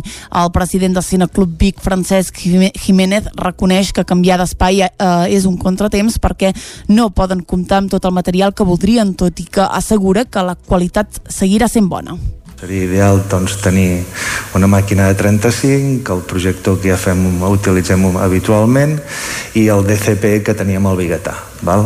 Aquí, en aquesta sala, només disposarem del nostre projector, dic només que, és, que, que ja sabeu que en, en Quim Cruselles eh, és, és molt fi amb aquestes coses i per tant garantim eh, sessions de màxima qualitat Jiménez explica que van saber mitjans d'agost que el Bigatà no obriria les portes. Apunta que de seguida van veure l'Atlàntida com una alternativa i en pocs dies van tancar un conveni. Montse Catllà és la directora general de l'Atlàntida. Es tracta d'un acord d'ús d'aquest espai on ens trobem ara, de la sala Joaquim Maideu, per aquesta temporada, eh, en espera de que, de que pugueu anar a la vostra seu definitiva. Ja hem fet algunes coses compartides amb Cineclub, molt puntuals, però ens agradaria que d'aquesta convivència, eh, d'aquest veïnatge que establirem promptament, doncs en pugui sortir un projecte compartit a més llarg plaç i independentment de la ubicació de Cineclub. L'inici de la programació s'ha endarrerit una setmana respecte a la data habitual de cada tardor. Les sessions familiars de Cineclub Xic recuperen el seu horari habitual i es faran els diumenges a les 5 de la tarda. I fins aquí el butlletí de notícies de les 10 que us hem ofert amb les veus de Vicenç Vigues, Clàudia Dinarès, David Auladell, Caral Campàs i Isaac Muntades. Ara el que toca, com sempre, és recuperar la informació meteorològica per saber el temps que ens espera tant per avui com també ja pel cap de setmana, que el Pep Acosta sempre sempre s'avança un pèl, però ja està bé, ja està bé. Anem-hi, cap al temps. Casa Terradellos us ofereix el temps. Doncs vinga, el que toca ara és saludar altra vegada el Pep Acosta. Pep, bon dia. Hola, última informació meteorològica d'aquest mes de setembre. Ja s'acaba el setembre i ho fa, de moment, de moment, amb molta tranquil·litat. bueno, de moment i final, perquè al setembre ja no hi haurà cap més dia. Per tant, es despedeix amb moltíssima tranquil·litat. Aquesta nit, les temperatures molt normals per l'època de l'any, una mica per sobre els 10 graus al prelitoral, entre els 6 i els 7 i els 8 graus Moianès i Planavic i clarament per sota els 5 graus a les valls més fredes del Pirineu. Per exemple, 4,2,3 graus de mínima a Sant Pau de Segúries. Bastant de fred ja a les valls pirinenques i segueix la inversió tèrmica. Fa més fred a les valls, l'aire fred està enclotat en aquestes zones que no pas alta muntanya. La mínima Baiter ha sigut entre els 7 i els 8 graus a 2.300 metres d'altura. Ja veieu la diferència entre les cotes més baixes i les cotes més altes. Això és la clàssica inversió tèrmica que es produeix sobretot els mesos eh, que fa més fred. Eh, encara no som els mesos més freds, però sí que, com que vam tenir aquesta erupció de vent de nord, es nota aquesta inversió tèrmica a aquestes dates. Què ens espera avui? Què ens espera aquest últim dia de setembre, doncs, com deia, molta tranquil·litat a l'espera de canvis. De moment no avançaré, no els avançaré. Avui només explicaré el dia d'avui, que ens llevem amb molt de sol, com deia, unes temperatures molt normals per l'època de l'any. De cara al migdia, continuarà ben assolellat, cap canvi, pot créixer alguna nuvolada molt poc important i unes temperatures màximes molt semblants a les d'ahir. Entre els 22 i els 25 graus a la majoria de les poblacions. Vents molt febles, eh, de direccions variables, i això, mm, de moment, seguim aquesta situació eh, que no tenim cap front a prop, tampoc tenim cap gran anticiclo a la vora, per tant, una zona eh, en terreny de ningú, molt, molt tranquil·la, molt tranquil·litat, i ja veurem què passa els pròxims dies, que sembla que sí que hi pot haver més moviment meteorològic. A disfrutar d'aquest últim dia de setembre, uh -huh. que meteorològicament parlant serà eh, perfecte per fer qualsevol activitat, al migdia inclús una mica de calor. Moltes gràcies, fins demà. Adéu. Ai, vinga, Pep, moltes gràcies. Vicenç, quan no hi ha activitat, no plou, no hi ha ventades, no hi ha res, el Pep... Eh, no s'anima, no, no s'anima. Eh? Se'l veu apagadot, eh? Aviam si de cara al cap de setmana el recuperem una mica. Ara una breu pausa, un parèntesi, i de seguida tornem parlant mm, de pallassos. Va, anem-hi. Casa Tarradellas us ha ofert aquest espai. Territori 17. Envia'ns les teves notes de veu per WhatsApp al 646 079 023. 646 079 023. WhatsApp Territori 17.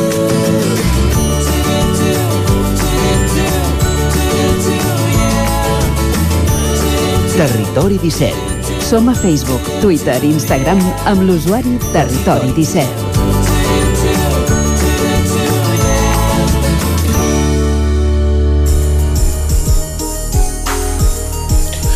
Doncs ara mateix falten dos minuts per un quart d'onze. Fa una setmana el Saló Sant Jordi de la Generalitat va ser l'escenari de l'acte de lliurament de les Creus de Sant Jordi del 2020. L'acte ha encapçalat per l'encara president de la Generalitat, eh, Quim Torra, va guardonar 30 personalitats i 15 entitats que s'han destacat pels serveis prestats a Catalunya en la defensa de la seva identitat en el pla cívic i cultural. Entre els guardonats destaca Pallassos sense fronteres, en reconeixement a la seva llarga trajectòria com a organització no governamental. Anem a parlar-ne des d'una codinenca on ens espera la Caral Campàs. Bon dia, Caral. Hola, bon dia. Sí, al, al març ja es va anunciar aquestes entitats i personalitats que rebrien aquesta Creu de Sant Jordi i, com bé deies, fa unes setmanes se'ls hi va entregar. Pallassos de Sense Fronteres era una d'aquestes entitats guardonades i tot plegat pels més de 27 anys de, dedica, de dedicació filantròpica en la millora de la situació emocional dels infants que pateixen les conseqüències dels conflictes armats, guerres o catàstrofes naturals a través d'espectacles còmics que realitzen pallassos tan com voluntaris. I per parlar-ne tenim a l'altra banda de la línia telefònica a Marta López, tècnica de comunicació de Pallassos Sense Fronteres. Bon dia, Marta. Hola, bon dia. Com heu rebut aquesta distinció?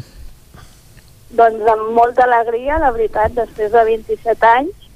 És bonic que la Generalitat ens atorgui el màxim reconeixement que, que pot atorgar així que molt orgullosos de, de la feina que fem i bueno, sobretot volem dedicar aquest premi a tota la infància refugiada i en situació de vulnerabilitat que hem fet riure durant tots aquests anys, que gairebé ja són 3 milions, vull dir, és moltíssima i seguirem fent aquesta feina el millor que, que sabem.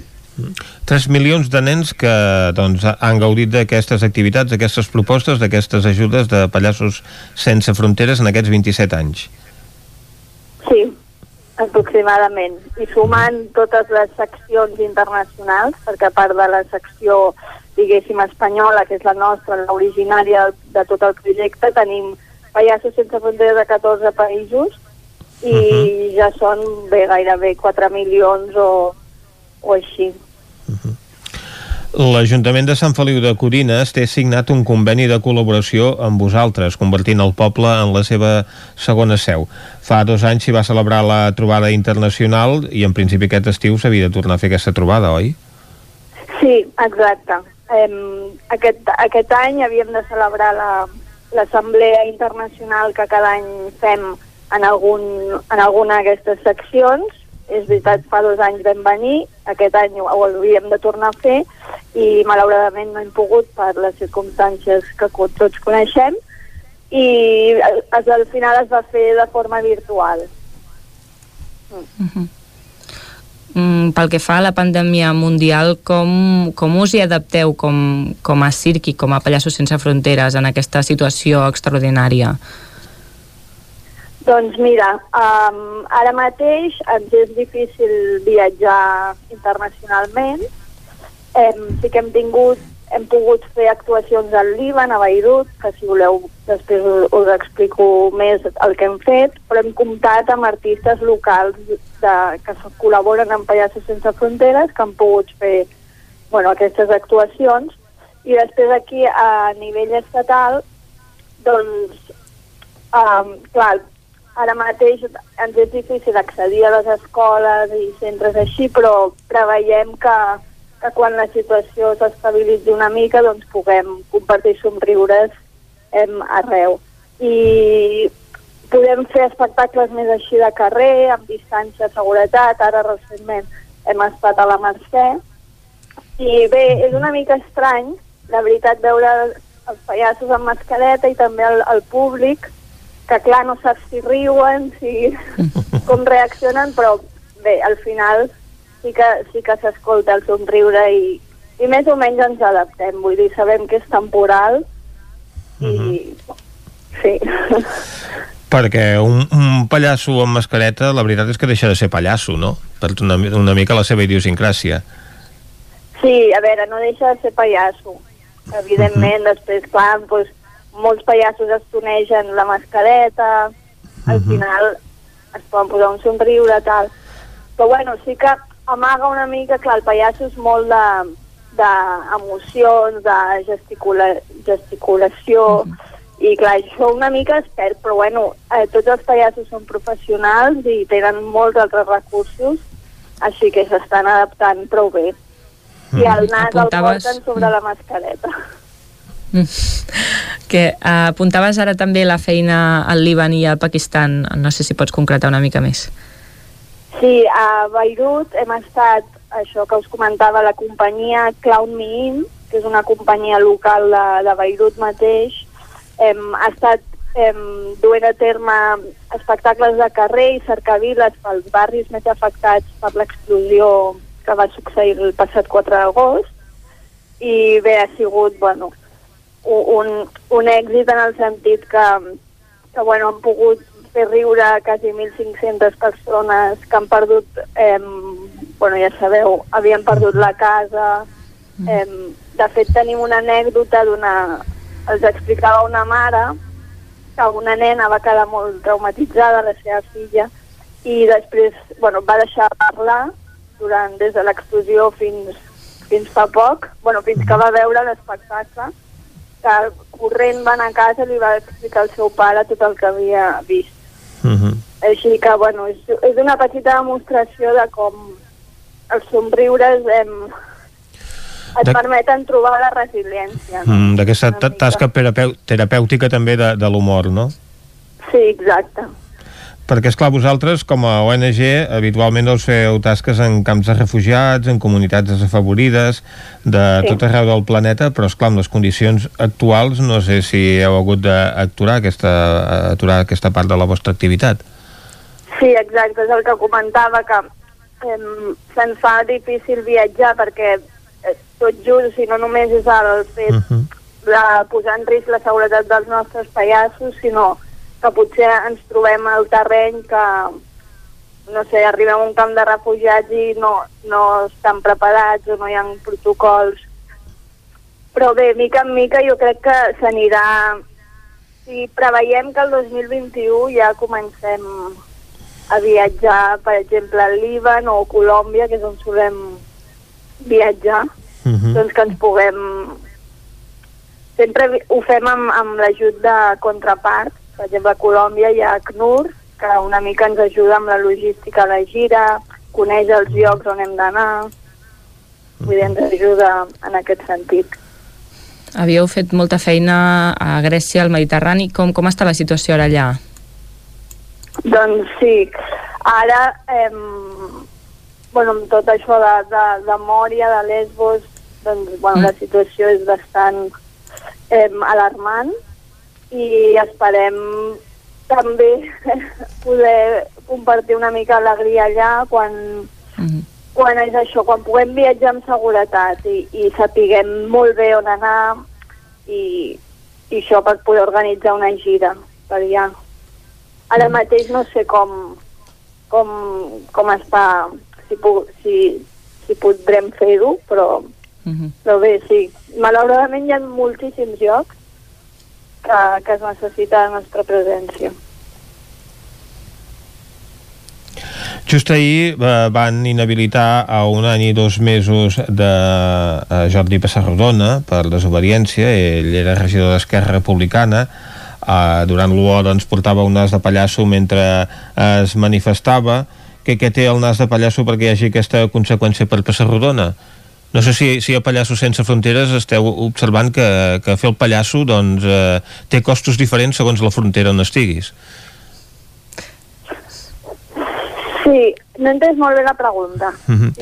No, era perquè ens valoressis doncs, aquesta, a, aquesta a, inhabilitació no, de, de Jordi Pessarrodona a aquesta, doncs, un any i dos mesos per, per portar el nas de pallasso Sí. doncs, el dia de, de l'1 d'octubre. No sé, no sé eh, què, què té el nas de pallasso perquè hi hagi aquesta conseqüència no, per, per una persona que es manifestava, que a més a més, evidentment, tothom el coneix per la seva activitat artística. Mm. Sí, bé, nosaltres bueno, vam rebre la notícia sí, com amb tristesa, perquè és això. Eh, per nosaltres posar-se un nas de pallasso no té res de, de violent ni cap provocació ni, ni res i, i bé, personalment sí, ho trobo una mica des, desproporcionat i exagerat. la veritat. Mhm. Pels pallassos aquest estiu deu haver estat difícil, la Covid s'ha carregat moltes festes majors i la programació d'espectacles per Sí. a públic familiar ha caigut a nivell ja més local. Com, com us ha afectat això? Sí, tenim tots els artistes una mica preocupats per la situació perquè tots viuen d'això, són artistes professionals molt bons i tot el món de l'espectacle, la cultura, sí, s'està veient eh, troncada i, i els està costant, la veritat, tirar endavant. Ja era una mica precari abans, com, com ara, perquè, perquè això, per, per tot. Eh, sí que bueno, agraïm als ajuntaments valents que aposten per la cultura segura i que demostren que, que això, que la cultura és segura, que ho fan possible amb totes les, amb totes les mesures i bueno, animem als ajuntaments que, que ho segueixin fent perquè és que al final la situació no sabem quan, quan acabarà i, i la vida ha de continuar i ara és més necessari que mai eh, la cultura. Mm. Per salut Les previsions, mm, mm, les previsions a curt i mig termini mm, són optimistes o no a nivell de que els ajuntaments s'animin a programar, no sé si heu notat ara que hi ha més llocs on us ofereixen o us ho posen més fàcil que abans o no? Sí, potser una tendència, eh, però també en, els artistes ens expliquen que han patit moltes cancel·lacions d'última hora, és a dir, que sembla que, que sí que hi ha ajuntaments que, que s'arrisquen i tal, però després d'última hora que els cancel·len i no sé, sap greu. Però bé, no sé. Sí. Perquè el que, el que sí que s'ha demostrat és que la cultura és segura i si es vol doncs eh, es pot programar doncs respectant la, les condicions que estableixi Protecció I Civil, tant. no? Sí, amb aforaments, clar, sempre hauràs de, de tenir un aforament limitat, però bé, millor això que res. Uh -huh. I segurament també heu notat doncs, que eh, a conseqüència d'aquesta situació que vivim, d'aquest confinament doncs, que han passat durant molts mesos les famílies, amb els nens sense anar a escola, també la seva situació emocional doncs, també requereix no? d'espectacles com els que vosaltres proposeu. Sí, sí, totalment. Creiem que en la gestió d'aquesta crisi s'ha fet des d'un punt molt adu- adultcentrista, sense tenir en compte els drets dels infants, i, i el confinament potser no es veu a simple vista, però afectarà, jo crec, bueno, o ja ha afectat en la salut emocional de, dels infants i sobretot en aquells en què no tenen tants recursos, no han tingut tantes comoditats. Uh -huh. Que no és el mateix confinar-se en un pis a, a, de 100 metres quadrats que compartir habitació amb, amb els teus pares i germans. És evident. Marta López, portaveu de Pallassos Sense Fronteres, enhorabona per aquesta Creu de Sant Jordi que us ha concedit el govern de la Generalitat. Endavant amb aquesta tasca, que siguin molts més, a part d'aquests 27 doncs, que ja porteu, portant somriures als nens d'arreu del món. Moltes gràcies per acompanyar-nos avui. Moltíssimes gràcies a vosaltres. Doncs amb Marta López, de Pallassos Sense Fronteres, tanquem aquest espai de conversa d'avui. Ara fem una petita pausa al Territori 17 i tornem tot seguit. Exacte, doncs una pausa i a dos quarts en punt tornem.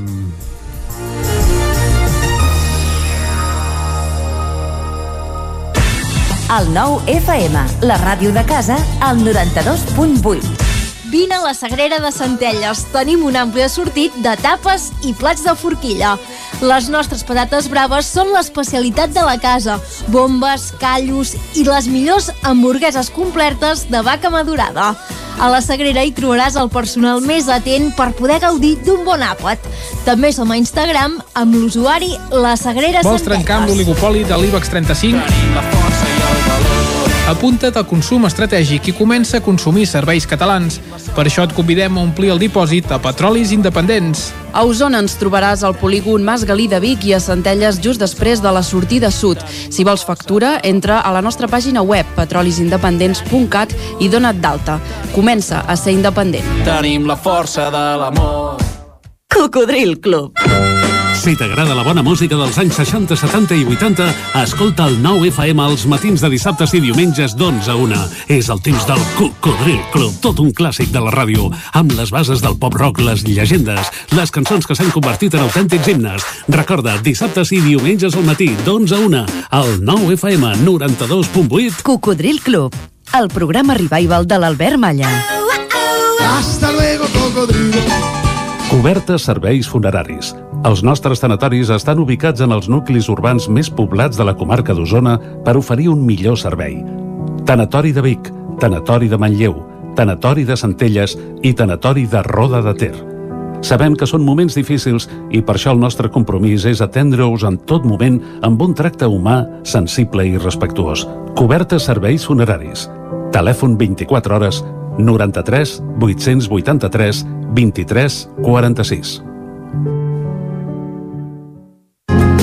Calçats Mariona. Tenim les últimes novetats tant per home com per dona.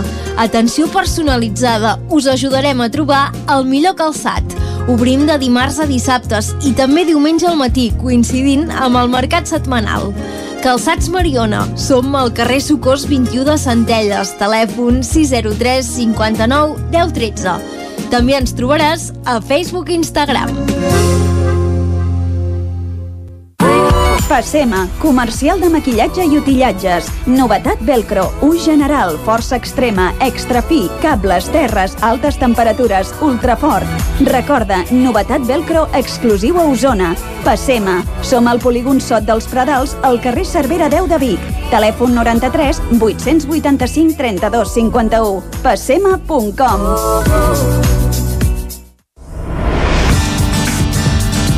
El 9 FM.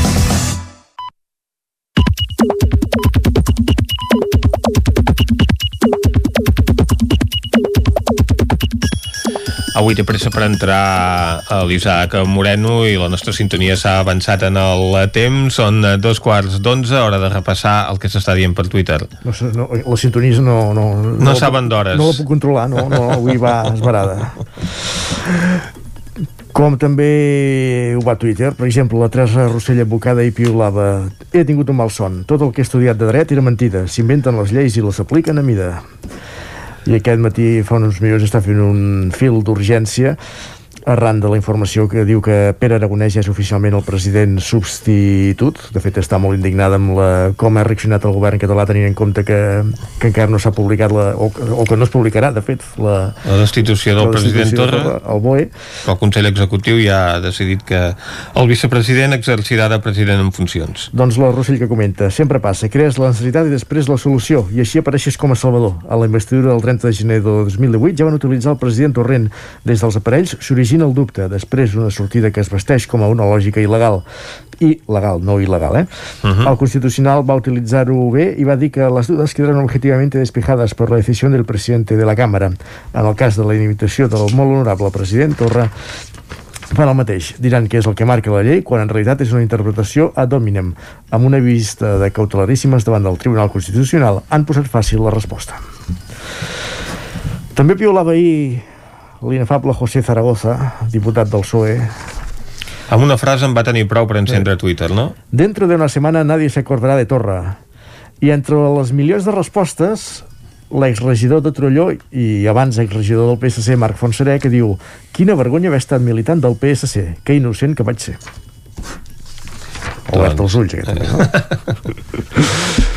Uh, es fixa en un altre titular en Jordi Vilarrodà, periodista a uh, última hora de l'ara també l'Audiència Nacional absol Rato i els 33 acusats pel cas Bànquia i en Vilarrodà que diu després del que vam viure ahir això és com si volguessin rematar rient-se'n dels catalans però dels espanyols també Roger Puigdecanet, ni quan l'Estat mati algun independentista sortirem al carrer com s'hi ha de sortir, sense pacifisme ultra. Diu. Canviant de qüestió, Josep Lluís Garcia, si penseu exclusivament en el futur dels vostres fills i del planeta, veureu que una bicicleta és molt més valuosa que qualsevol tot terreny. Eli Pinyol, no em vull ni imaginar quin serà el cop de gràcia d'aquest 2020. Doncs val més que no. Iñaki Escudero, no hi ha millor exemple de tot plegat que les concentracions d'ahir, per dilluns, encapçalades en la majoria de casos per càrrecs públics havent-hi vigent una norma del propi govern de no fer reunions de més de sis persones. La llei com a cosa vinculant quan convé i prescindible quan molesta. -huh. I acabem amb una pilada d'en Gerard López, periodista. Els que volen treure personalitats de la República Espanyola dels noms de carrers de Madrid, Vox, PP i Ciutadans, posant-los al mateix nivell que els colpistes feixistes del 36, són els que dilluns deien que el govern espanyol no se'l va votar i que el rei sí, i així anem, i així van, vol dir. Diu, afegeix entre parèntesi. Molt bé, doncs després d'aquesta lectura dels principals tuits del dia el que farem és repassar què treu un portal al 99.cat. L'edició Osona i, el, i Ripollès dona crea una comissió per seguir de prop els processos participatius. Salut preveu, preveu fer 20.000 PCR en escoles en una primera fase de cribatges fins a mitjan d'octubre. La Masies de Roda implanta un sistema pioner de compostatge comunitari en el porta a porta i el president Torra inhabilitat també podíem llegir a la portada del 99.cat. A l'edició del Vallès Oriental L'alcalde de les Franqueses renova el cartipàs després de la sortida del PSC. Parets demana solucions per la supressió de sis trens a l'R3. Concentracions de rebuig a la inhabilitació de Torra i Junts i el PSC trenquen el pacte de govern a les franqueses. Molt bé, doncs hem fet aquest repàs també a què és el que treu un portal al 99.cat. Anem ara a la taula de redacció. Bon dia. Territori 17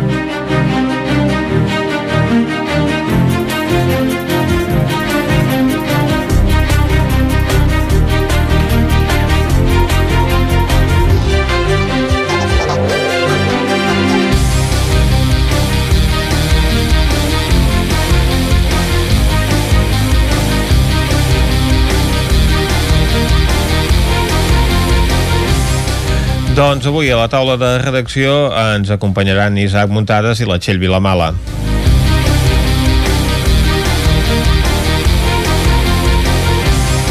Anem en primer lloc cap a la veu de Sant Joan. Des d'allà ens informaran d'una polèmica que s'ha originat a Ripoll perquè una regidora de l'equip de govern hauria fet obres sense permís i no pas per fer el cau d'un gos, sinó per fer una piscina. Isaac. Sí, correcte. La regidora en qüestió és de l'equip de govern eh, de Junts per Ripoll, és la Montsina Llimós, la regidora de, de Cultura, i el més curiós de tot és que, de fet, ha estat expedientada per, per l'Ajuntament, perquè, evidentment, se li ha incoat un expedient després de la queixa d'un veí que va veure aquestes obres que en principi s'havien fet sense permís d'obres. Uh, aquí cal matisar diverses coses. Uh -huh. uh, Montsina Llimós explicava que ell evidentment assumeix uh, que va admetre una irregularitat, que amb això hi està d'acord, però també explica que hi va haver una sèrie de tempos que cal tenir en compte per, per veure si realment al final doncs, uh, l'expedient tira endavant o no. I és que ella uh, l'Ajuntament de Ripoll el mes d'abril va validar doncs, que es poguessin doncs, uh, fer construccions de, de piscines perquè fins llavors uh, des, pel pla urbanístic no, no es podien construir doncs, edificabilitats fora del que estava regulat i en aquest cas no es podien construir doncs, ni, ara us podem imaginar de tot, eh? pèrgoles, que, casetes, piscines el que passa que es va decidir que tots aquells eh, eh, eh, processos d'edificabilitat que fossin soterrats, que en aquest cas s'entén una piscina, no computarien. Llavors aquí eh, Llimós pensava que, de, com que això ja va, es va parlar al mes de gener i es va aprovar a l'abril, eh, ja pensava que realment podia construir la piscina d'acord? Uh -huh. Per tant, aquí és una mica la clau. I ella va començar, doncs, eh, el mes de maig, va demanar la llicència d'obres, que aquí eh, és eh, eh, pel motiu que potser doncs la polèmica al final tampoc va acabar sent tanta, però sí que si més no és, és una cosa graciosa que s'expedienti doncs, algú de l'equip de govern formant part de, del mateix equip de govern i ell al demanar la llicència d'obres doncs eh, la va pagar fins i tot i, i al pagar-la i al cobrar-li que va, uh -huh. va explicar que li va costar 400 euros doncs ningú li va dir que no podia construir la piscina i ell evidentment al passar dos mesos i, i que ningú li havia dit que no podia doncs va iniciar les obres i aquesta piscina doncs la va acabar eh, el mes de, de juliol i llavors quan pràcticament estava acabada és quan va rebre doncs, aquest expedient per part de, de l'equip de, bueno, de l'equip de govern perquè doncs, això que us deia, no? un veí doncs, es va queixar a Joaquim Colomer, el regidor d'obres, diguéssim, de que hi havia hagut aquesta uh, irregularitat. Uh, S'haurà de veure què passa perquè la Comissió Territorial d'Urbanisme havia d'aprovar uh, ja fa uns mesos el, el, el tema que es va validar a l'Ajuntament de Ripoll, és a dir, que es poguessin fer doncs, aquests aquests eh, edificabilitats doncs, soterrades, com és el cas d'una piscina, i segurament el que ha passat és que la Covid va, va endarrerir aquest procés, evidentment això es, es va aprovar més tard, es va aprovar el mes d'agost, el problema és que encara no està publicat el, el DOC, el Diari Oficial de la Generalitat de Catalunya, per tant, realment encara no es podria fer, però seria qüestió de dies. Per tant, sí que és veritat que Llimós va assumir totalment la responsabilitat i va dir que no tenia res a amagar i que ensenyaria tots els papers. I de fet no hi va haver molta més polèmica perquè el, el regidor de la CUP que ho va preguntar, que ho va demanar doncs, perquè havia pregut aquest decret, doncs tampoc no va furgar molt més, veient una mica doncs, que ella assumia la culpa i que evidentment doncs, eh, si ha de pagar una multa doncs la, la pagarà i sense cap mena de problema. Això sí, va, va fer al·legacions de, per veure aviam si realment se l'hauria d'haver avisat que no podia fer-la i cosa que en principi sembla ser que no se la va avisar que no podia construir la piscina tot i que ella va demanar un permís d'obres que evidentment doncs, tot i ser cobrat sembla ser que no, que no, no, no podia tenir. Per tant veurem, veurem què passa però sembla ser que no tindrà molt més recorregut eh, a menys que evidentment se, se li anul·lés de cop i volta que llavors eh, hi hauria alguns regidors que potser ho considerien un tracte de favor. Mm. l'alcalde Jordi Monell va explicar que hi ha més uh, expedients oberts per, per piscines, per pèrgoles i casetes per tant que no, no és l'únic uh, cas el de Llimós. Mm, de, de gent que durant aquest eh, període de confinament doncs, eh, que les coses han estat mig aturades doncs potser han aprofitat per fer obres. Evidentment una piscina no és una obra que es pugui amagar, no és com fer obres a dins, no. a dins de casa, però és que l'Ajuntament ha cobrat la, la taxa a la regidora sense que aquest permís es pogués fer efectiu per la normativa urbanística, no? Correcte, sí, sí, exactament ha estat així, almenys és el que estan mirant d'esbrinar de, exactament què va passar perquè es cobrés doncs, aquest, perquè Montsina Llimós va afirmar que se li havien cobrat doncs, aquests 400 euros que els havia uh, pagat i que evidentment Uh, bé, ella va donar per fet que, que tenia el, el permís d'obres a l'haver-se cobrat aquests diners i, i resulta que, que no. De, de fet, cal matisar una cosa eh, també, ella no és la titular de les obres, que després és el que es va parlar. Teòricament seria el, el seu marit pel que vam entendre, que això ho va dir Colomer però, però evidentment, clar, ella també se'n se beneficiaria d'aquesta piscina. Que una de les coses perquè va decidir doncs, fer, fer això també va ser una mica per la Covid el mes d'abril veient com, com podria ser doncs, de difícil tornar a les piscines municipals que al final tampoc ha estat, ha estat tant doncs es va decidir fer això per si hi havia gent que tingués jardins doncs, que pogués aprofitar i fer alguna piscina i no haver d'anar doncs, a les piscines municipals i, i evitar aglomeracions. Uh -huh. Molt bé, doncs eh, gràcies Isaac Muntades. Des de la veu de Sant Joan. Ara anem amb la Txell Vilamala que ens parlarà de com va anar la sessió plenària de l'Ajuntament de Manlleu Sí, ahir va haver ple Manlleu, un altre cop virtual, un ple llarg amb moltíssima teca, van sortir temes interessants. Uh. D'una banda, uh, recordem que ja fa uns mesos que uh, Manlleu va expressar el seu compromís d'aplicar el sistema de recollida porta a porta a partir de l'any 2021, per això va canviar la seva relació contractual amb el Consell Comarcal d'Osona uh. per recuperar les competències uh, i d'aquesta manera poder accedir a una convocatòria FEDER. Ahir van poder saber que aquesta convocatòria finalment Manlleu no hi accedirà perquè tots els diners destinats a aquests fons de desenvolupament europeu, que són d'origen europeu, finalment es destinen a la Covid-19, uh -huh. però de tota manera eh, l'Ajuntament està pendent d'un ajut que vindria directament del Departament d'Economia per poder tirar endavant el porta a porta, i si no l'alcalde ens va explicar que buscaran la manera de fer-ho igualment, perquè si no s'haurien de comprar contenidors nous, que també es tracta d'una inversió important, uh -huh. l'únic que potser el projecte eh, canviarà respecte al que s'havia previst, l'idea era que pogués començar el porta a porta a la primavera del 2021, ens deia que potser haurà de començar només amb comerços, indústries i després que s'hi puguin sumar la resta de persones, que potser s'haurà de l'antic començar tot plegat més tard, estan eh, pendents d'aviam de quan és aquesta suma de diners que poden venir directament del Departament d'Economia. En qualsevol cas, eh, per anar fent passos endavant, ahir sí que es va aprovar uh, un tràmit més, un tràmit que no deixa de ser administratiu, que és la incoació de l'expedient uh, per justificar per què es crea aquest servei a l'Ajuntament de Manlleu, del règim sancionador, uh, un mínim projecte de com seran les freqüències, a quina hora es passarà, què recollirà, amb quins objectius, és a dir, tràmits per anar vestint aquest servei. Uh, això es va fer, es va aprovar per unanimitat perquè és veritat que a Manlleu hi ha el compromís de tots els, gru els grups polítics d'avançar cap al porta a porta per als arguments que ja coneixem, eh, reduir el canvi climàtic, pensar en la sostenibilitat, corresponsabilitzar molt més la ciutadania de la manera com es fa la selecció dels residus, eh, per això hi va haver unanimitat, però sí que és veritat que hi ha un punt eh, del projecte que és crear una comissió tècnica que ha de preparar la memòria justificativa que va generar algun punt de fricció perquè eh, en aquest comitè hi haurà tres representants representants polítics, tres tècnics i llavors eh, representants d'entitats. Els, tres els tres polítics que hi haurà eh, són tres persones de l'equip de govern. Eh, des de l'oposició, tant la CUP com el PSC criticaven que tractant-se d'un projecte de ciutat que segurament eh, abastarà més d'un mandat, eh, s'hauria d'haver fet una aposta més plural i posar-hi també algun representant que no estigui integrat a, a l'equip de govern. Tot i això, eh, aquest tema va prosperar. Llavors, en torn de mocions, també el PSC presentava una moció concretant alguns aspectes de com ha de ser aquest porta a porta, eh, recalcant que, val, que abans cal fer molta pedagogia entre la ciutadania perquè no sigui una quimera quan s'apliqui, uh -huh. una sèrie de punts que també estaven consensuats abans del ple i que també es van aprovar per unanimitat. O sigui que en aquest sentit eh, el ple va ser un oasi, molt, molt acord, i altres punts que van ser una mica eh, més conflictius. A Manlleu és habitual que cada ple hi hagi modificacions del pressupost, eh, ells eh, ho justifiquen, diuen eh, l'equip de govern que és una eina viva i més ara amb tot el que ha passat de la pandèmia, que és molt interessant eh, poder variar partides en funció de les necessitats que van sorgint. Ahir en concret n'hi havia una de 85.000 euros, 85.000 euros que surten eh, dels fons de contingència de l'Ajuntament i del romanent líquid de tresoreria, que es destinaran a construir un carril bici a tota l'avinguda de Roma, és a dir, dos quilòmetres de carril bici des de la rotonda de les piscines, per entendre'ns, uh -huh. fins a davant de l'Institut Antoni Pous i Argila.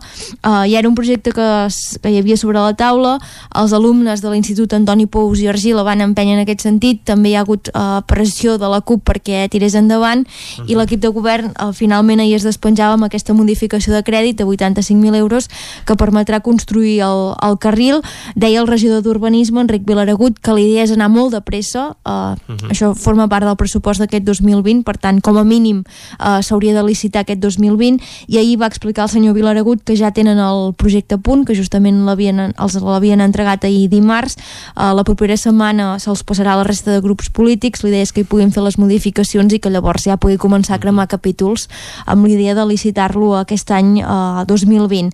També en aquestes modificacions de pressupost hi ha un altre punt que és interessant uh, desenterrem el tema d'aquella estació de mercaderies que vam avançar al 9-9 que Manlleu s'estava plantejant acollir uh -huh. una estació semblant al que està fent Cases de Radelles aquí a Vic que es fa portar la farina directament amb tren no sé si algun uh -huh. altre ingredient més però bé, a Manlleu uh, també es va detectar que hi havia aquesta necessitat que hi hauria una part d'empresaris interessats que això pogués prosperar, fer aquest transport ferroviari de mercaderies amb tren uh -huh. uh, també també s'aglutina gent del Ripollès i la Garrotxa, activitats econòmiques que podrien estar interessades. Es va fer un primer estudi cofinançat per creació que apuntava que sí que, que seria interessant tirar-ho endavant. Ahir es va licitar uh, un segon projecte per determinar exactament quines serien les necessitats a fi de tenir més informació per valorar si, valorar si és interessant de fer-ho o no. Uh, mentre que en el cas del carril bici també hi va haver una aprovació amb el suport de la CUP, per exemple, en el cas de l'estació de mercaderies eh, va ser una mica més complicat perquè Maire Costa de la CUP qüestionava si té sentit anar invertint per fer projectes d'estudiar l'R3 eh, quan és una línia que diguem que no està en condicions eh, gens òptimes, que els usuaris n'estan més aviat descontents i que sembla que des de Renfe i Adif tal com la Generalitat i el govern espanyol tampoc hi ha massa interès en aquesta línia.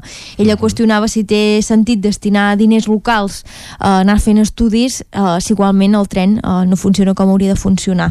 En, en aquí va haver una mica de debat perquè l'alcalde Àlex Garrido va explicar que en una reunió que hi va haver el 2018 amb Renfe i Adif, amb els representants de Renfe i Adif que van ser eh, precisament a l'Ajuntament de Manlleu, ells van manifestar que no estaven ni a favor ni en contra del projecte, que l'únic que necessitaven era que justifiqués expliqués bé que hi havia aquesta necessitat i que se'ls demostrés eh, que era una aposta rendible, que si l'Ajuntament era capaç d'arribar a aquest punt ells no posarien cap inconvenient a que això pogués tirar endavant.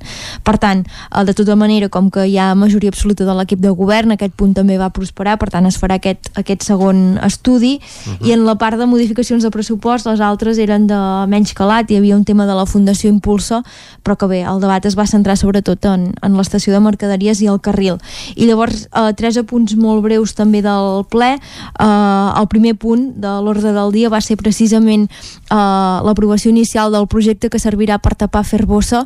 Recordem, Ferbossa és aquesta planta de compostatge que fa 25 anys eh, que porta mal de caps a Manlleu. Sobretot genera pudors el procés que fan a la part inicial i a la part final. Ara, eh, després de molt temps també de batallar-hi, l'empresa ha presentat un projecte que permetrà cobrir aquesta part inicial i final. Aquí també hi va haver retrets entre el PSC i l'equip de govern perquè el PSC va dir que eh, ahir el que es va aprovar inicialment era una declaració d'intencions del que faran, però no definitiu, perquè s'ha de refondre amb un informe tècnic que ha fet l'arquitecte. Marta Moreta del PSC qüestionava si es podia fer l'aprovació inicial d'un document que no és el definitiu. Ella deia que caldria esperar, uh, si fa falta un mes després de 25 anys, uh, i, aprovar, i aprovar un text que ja sigui el refós i que sigui el projecte correcte, també efectes de fiscalització. En qualsevol cas, també també va tirar endavant. I dos punts més molt breus. El regidor de Seguretat Ciutadana, el senyor Arnau Rovira, va anunciar que finalment la nova comissaria de la policia local, que recordem que es construirà a l'Avinguda Puigmal, no serà de fusta. Uh, en... El projecte era polèmic. El Bé, projecte- polèmic ja des del principi perquè s'havia d'ubicar en una zona inundable i aquí va començar el conflicte amb l'Agència Catalana de l'Aigua. Exacte, la comissaria diguem que ha fet un, un llarg recorregut, mai millor dit. El projecte que va guanyar uh, per construir-la ja en aquest emplaçament definitiu a l'Avinguda Puigmal era un projecte de fusta, és veritat uh, que generava controvèrsia, i ahir el senyor Rovira uh, va confirmar que no serà de fusta, per tant que es revisarà el projecte Uh, ell va dir que, que els sembla molt bé uh, totes les propostes que siguin innovadores, uh, respectuoses amb el medi ambient, però que és un equipament que s'ha de preveure almenys a 30 o 40, a 40 anys vista i que ells no volen ser els primers uh, de provar si un edifici de fusta funciona com a comissaria de la policia local. I llavors també un apunt d'un altre tema. Uh, fa uns mesos al 9-9 vam explicar que hi havia veïns del barri de la Salut molt molestos per una plaga de rates. Ells deien que creien que provenien o bé de l'escorxador munici- l'escorxador que recordem que està ubicat al costat del Museu del Ter o bé de la caserna de la Guàrdia Civil que també és un tema de debat continu perquè no hi ha manera que es desencalli ahir al ple eh, l'alcalde Àlex Garrido eh, eh, responent una pregunta de la CUP va explicar que aquestes rates eh, després d'un estudi de salut pública s'ha pogut constatar que venen d'un forn de pa d'un forn de pa que hi ha darrere de l'escorxador i ell va dir que, que ja s'hi ha actuat això anava a propòsit de uh, una pregunta que va fer Flori uh, de la CUP uh, preguntant com avança la bunkerització de l'escorxador perquè també en aquest sentit hi havia queixes dels veïns per les pudors, els sorolls també per l'impacte visual. L'alcalde va explicar que han avançat que també hi ha un projecte que pinta bastant, que podrà tirar endavant bastant ràpid i que estan en converses amb el, amb el DARP ja ho veus, eh, Vicenç? Van sortir molt moltíssims extens, temes, sí. sí. van sortir molts temes, eh, moltes cosetes que també es podrien treballar. La regidora Marta Moreta, per exemple, en torn de pregs i preguntes, va explicar que hi ha un carrer del centre de la ciutat on diversos veïns se'ls hi han adreçat per explicar que s'hi fan carreres il·legals de cotxes, eh, que fins i tot hi ha postes d'aviam eh, qui farà la volta a l'illa més ràpid. El regidor de Seguretat Ciutadana va dir que ell no en tenia coneixement, però també en tot cas la va emplaçar a poder reunir-se amb aquestes persones que li han comentat. Vull dir que de temes, evidentment, la Covid-19 també va ser destacada després d'aquesta setmana de cribatge massiu a Manlleu. L'alcalde va donar les dades definitives que eh, basculen al voltant del que ja havíem dit nosaltres, entre un 4 i un 5% de positius, i va explicar que l'Ajuntament ha ofert al, al Departament de Salut eh, poder llogar la- l'antiga fonda de Can Xaran, on hi hauria espai per 14 persones, per la gent que no pugui complir les quarantenes correctament. Avui eh, hi ha una visita tècnica en aquest espai i suposem que serà la manera de desencallar si la Generalitat ho aprova o no, perquè és veritat eh, que des del govern, des de Barcelona, es fan altres propostes com el Seminari de Vic, també un alberg a Manresa, per tant, eh, confiem que entre avui i demà es desencallarà això, perquè, evidentment, eh, si és un dispositiu que està pensat per allotjar les persones que han sortit positives asimptomàtiques del cribatge, eh, el cribatge es va acabar dilluns i havia començat divendres passat, per tant, cal actuar... l'idea, sí. Exacte, cal anar una mica de pressa. Doncs anem a la idea. Moltes gràcies, Txell, i ara nosaltres el que farem és el nostre espai habitual dels dimecres, el territori sostenible. Territori 17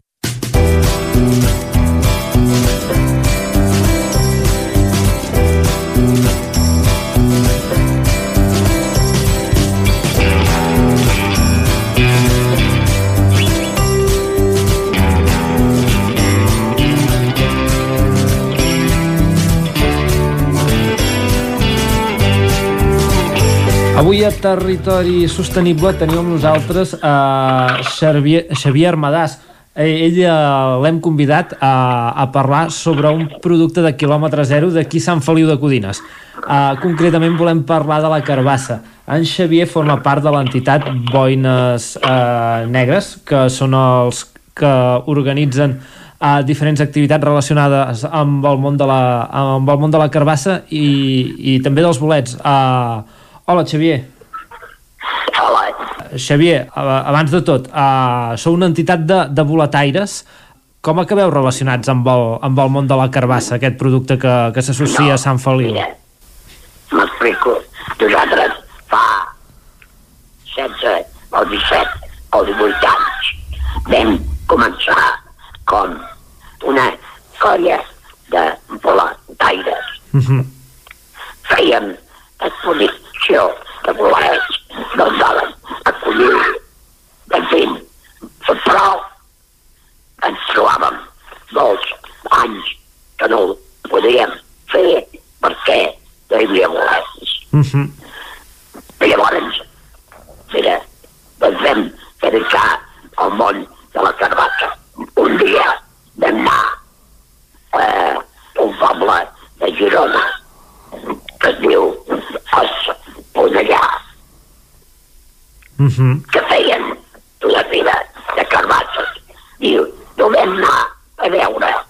I, hòstia, que ens va agradar. I em dir, per què no ho fem a Sant Feliu, això?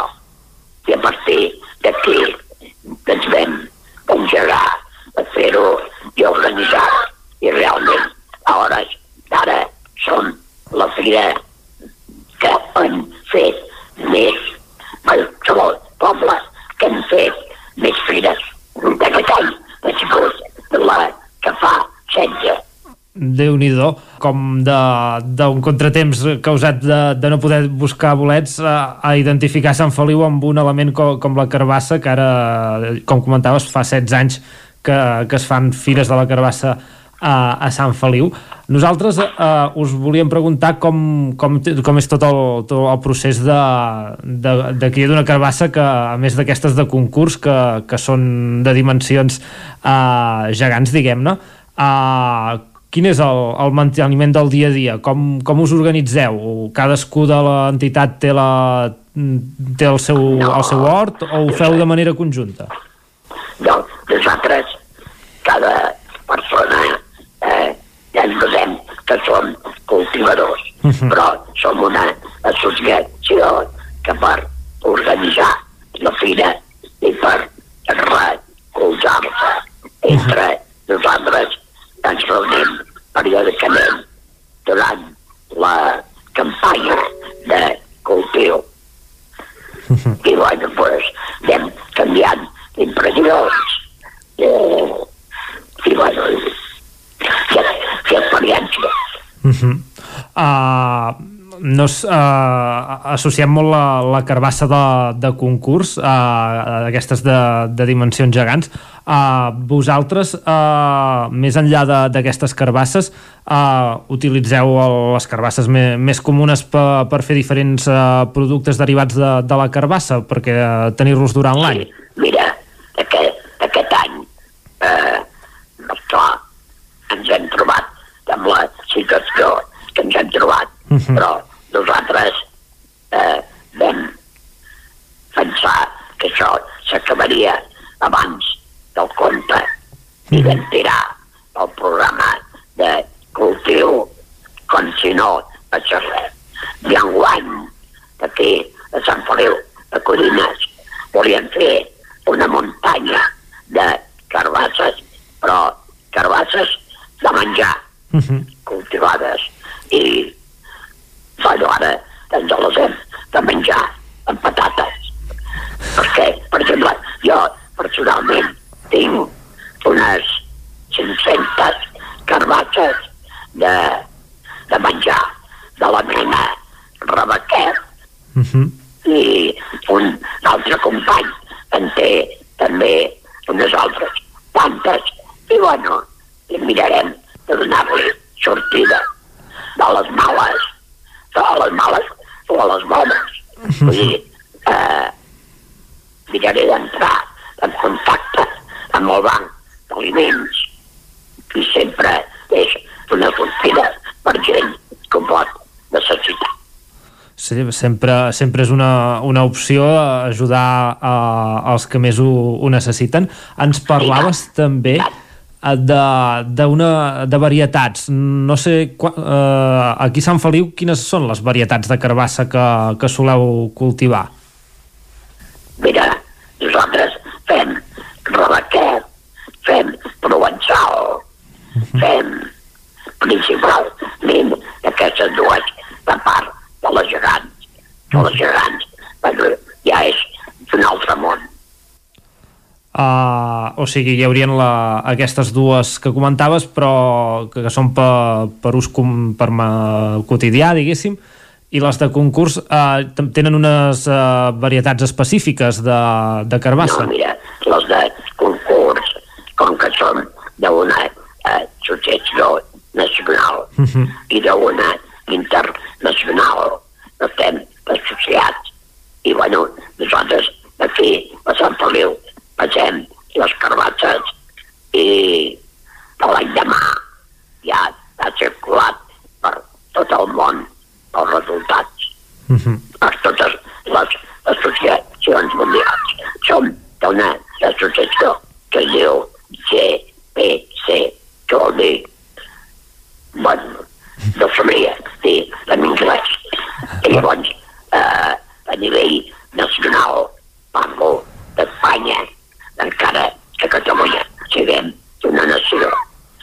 Eh, es diuen figantees, que llavors, a través d'aquestes dues associacions, el més important per cultivar carbasses gegants i el primer és la genètica. O sigui, la llavor. Uh -huh.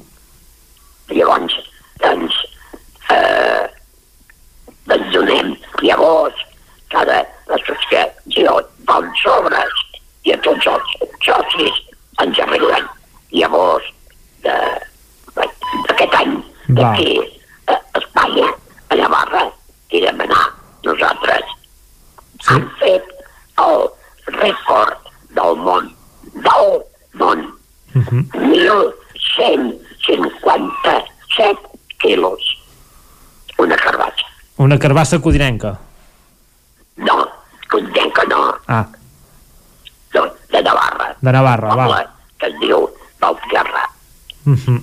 Una última pregunta. Uh, alguna recepta uh, per menjar carbassa o com t'agrada tu menjar més la, la carbassa uh, per anar obrint boca de cara al dinar de- d'aquest Bueno. migdia Jo faig, eh, a mi m'agrada molt, i com ve algú a casa meva, els hi serveixo. Amb una copa de martini, un puré de carbassa excel·lent. un puré de, un puré de carbassa amb una copa de martini? De, de martini, com un, bueno, clar, és, eh, porta diverses coses. A part de carbassa, que és el element principal, és una recepta que, que jo faig. I, bueno, eh, a mi és el plat que m'agrada més. molt, molt interessant, doncs eh, ens apuntem aquest, aquest plat també aquí al, al territori sostenible. Uh, gràcies i esperem que, que l'any que ve la Fira de la Carbassa de Sant Feliu pugui tornar uh, a la normalitat. Veig que ara això ha baixat una mica, però eh, fa uns quants, 3, 4, 5 o 6 anys a Sant Feliu, que som un poble de 6.000 habitants, a la Fira de la Carbassa venien potser 3, 4.000 persones. Sí, sí, era, és, un, és un esdeveniment uh, vinculat, relacionat totalment a, amb Sant Feliu de Codines. Encara ho és. Sí, sí. Molt bé, doncs, uh, Xavier, moltes gràcies. Uh, nosaltres anem acabant i tornarem al territori sostenible la setmana que ve. Molt bé, moltes gràcies.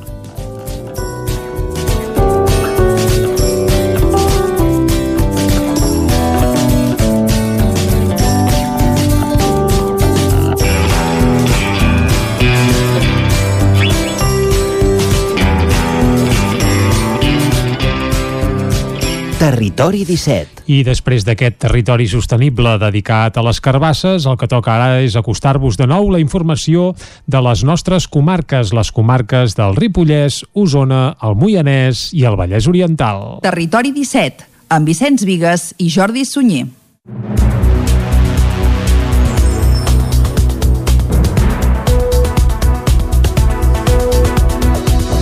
Manlleu va viure aquest dilluns la darrera jornada del cribratge massiu. Entre les proves que s'han realitzat durant tres dies al casal cívic Frederica Montseny i el cribatge que es va fer dijous a l'escola Puigdegut, gairebé 1.600 persones s'han sotmès a la PCR una xifra que per Àlex Garrido, alcalde de Manlleu, permet tenir una fotografia real de quina és la situació de pandèmia que es viu actualment al municipi i és per aquest motiu que el consistori no descarta realitzar nous cribratges, per exemple, a l'Institut Antoni Pous, si la situació del centre, on actualment hi ha 10 grups i 224 persones confinades, no millora. Àlex Garrido. La xifra d'aules eh, confinades a l'Institut Antoni Pous és molt, molt elevada. També és cert que és eh, el centre escolar de secundària més gran de la nostra ciutat i si s'escau doncs també intentarem incidir en el departament perquè faci un cribatge massiu a l'Institut Antoni Pous. Mentrestant, Manlleu ja ha fet una proposta al Departament de Salut perquè les persones amb dificultats per fer aïllament puguin complir la quarantena. Proposen l'antic hostal de Can Xaran. En aquest sentit, l'Ajuntament ha posat sobre la taula un uh, espai uh, del municipi, un espai privat que, que, és, uh, que està molt a prop de, del centre, molt a prop de, de la plaça, l'antic hostal Can Xaran.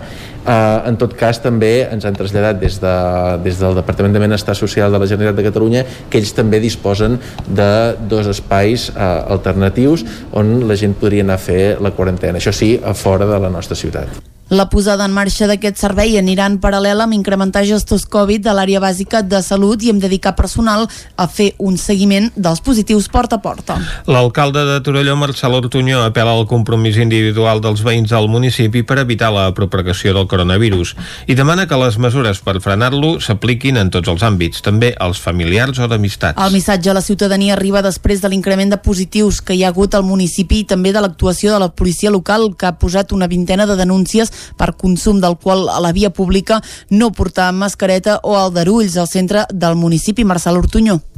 Perquè és en les concentracions espontànies de familiars o amics que es detecta que és on hi ha un major número de, de contagis.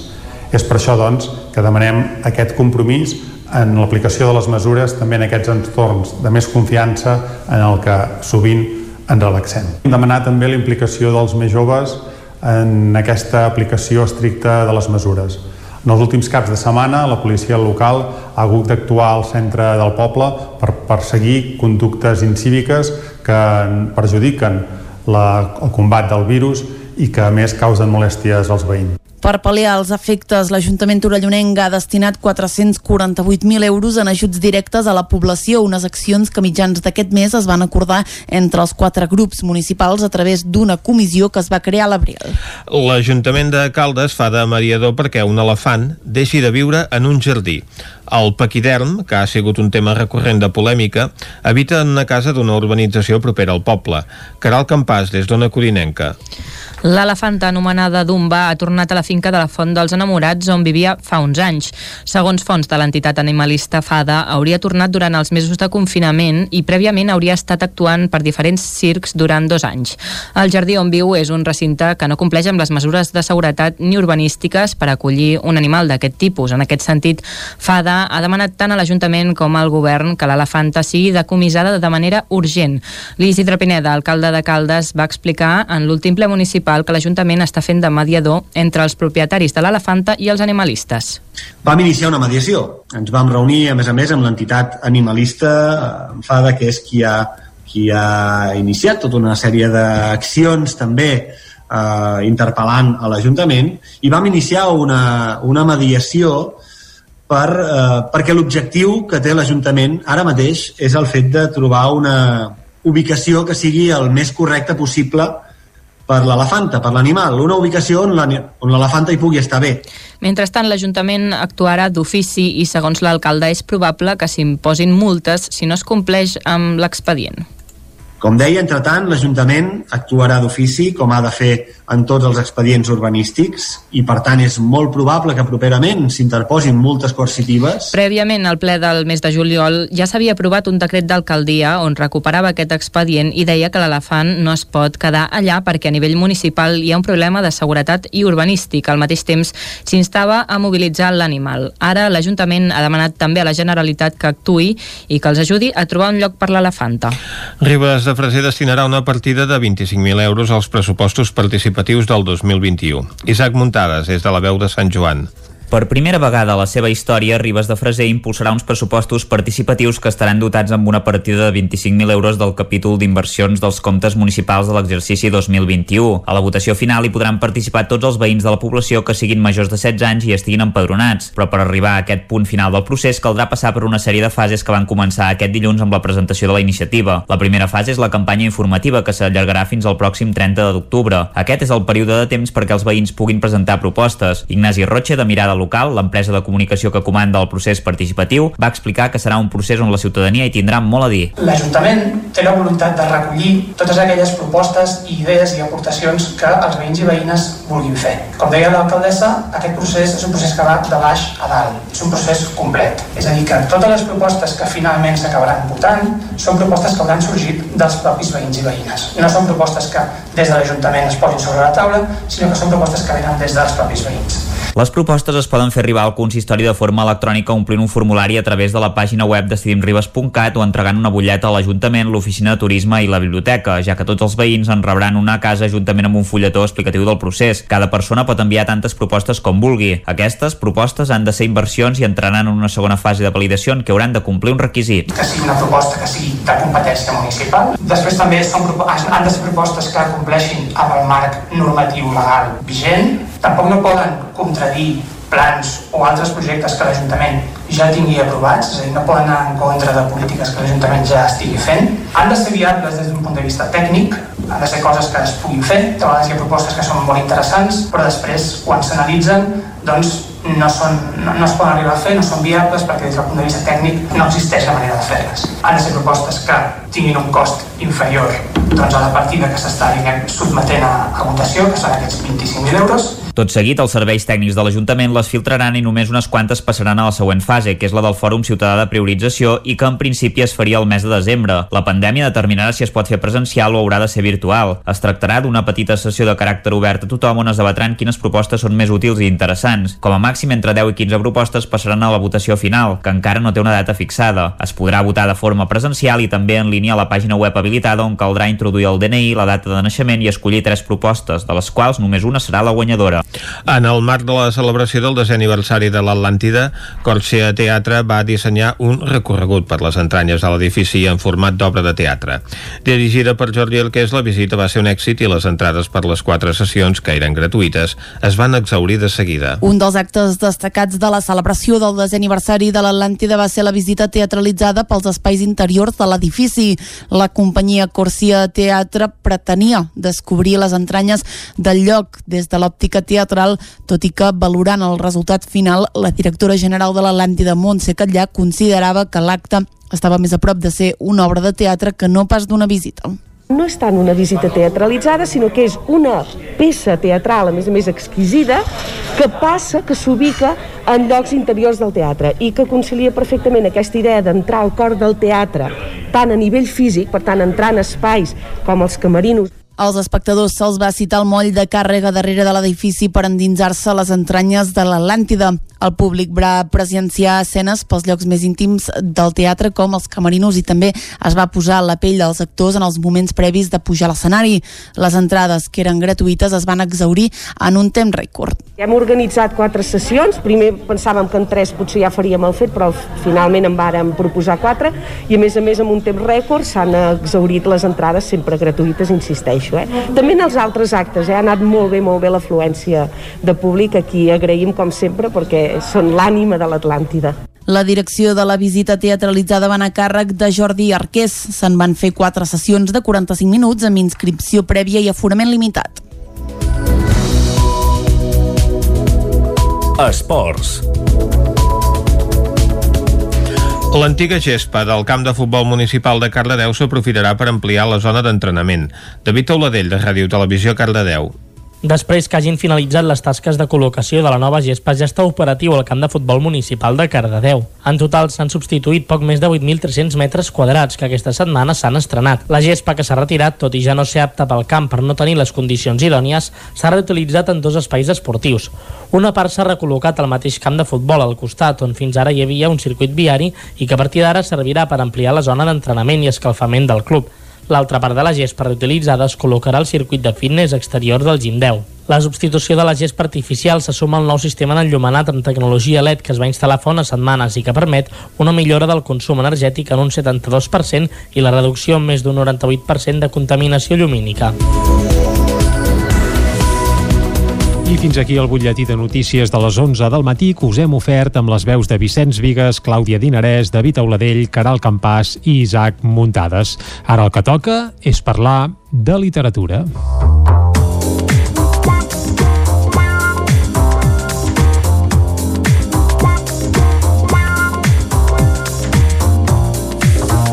I avui el Lletra Ferits, la Caral Campàs, des d'Ona Codinenca, ens apropa una escriptora de Gallifa, Amàlia Bosch i d'Atzira.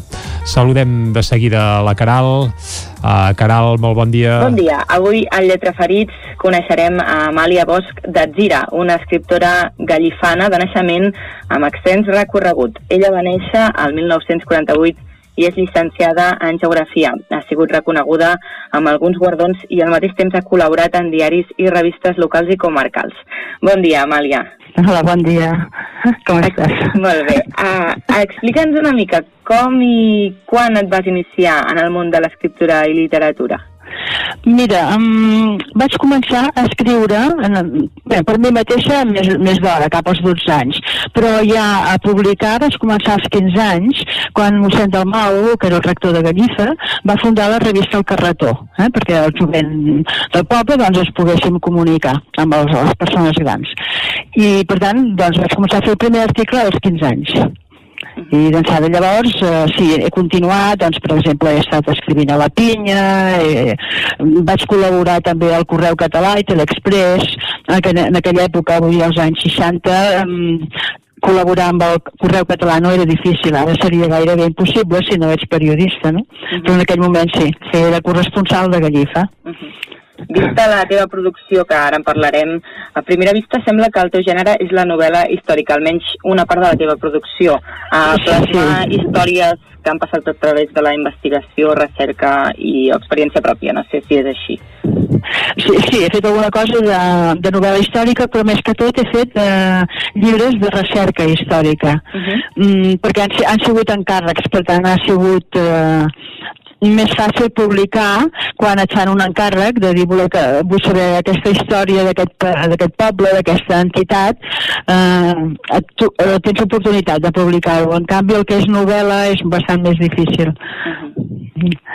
part de la teva obra transcorre a Gallifa, el teu poble, i un poble que destaca sí. per tenir quatre esglésies romànics, l'únic santuari del món dedicat a l'ecologia i dues persones reconegudes com el ceramista Josep Llorenç Artigas i mossèn Josep Dalmau, que ens va deixar ara fa dos anys. Tot aquest entorn l'has plasmat en persones de Gallifa, Gallifa abans i ara, i a mossèn Josep Dalmau, d'un home, d'un temps, d'un país. Parla'ns una mica d'aquestes publicacions. Mm, bé, el primer llibre, jo no tenia intenció, ni se m'havia ocorregut mai pensar que podia escriure llibres.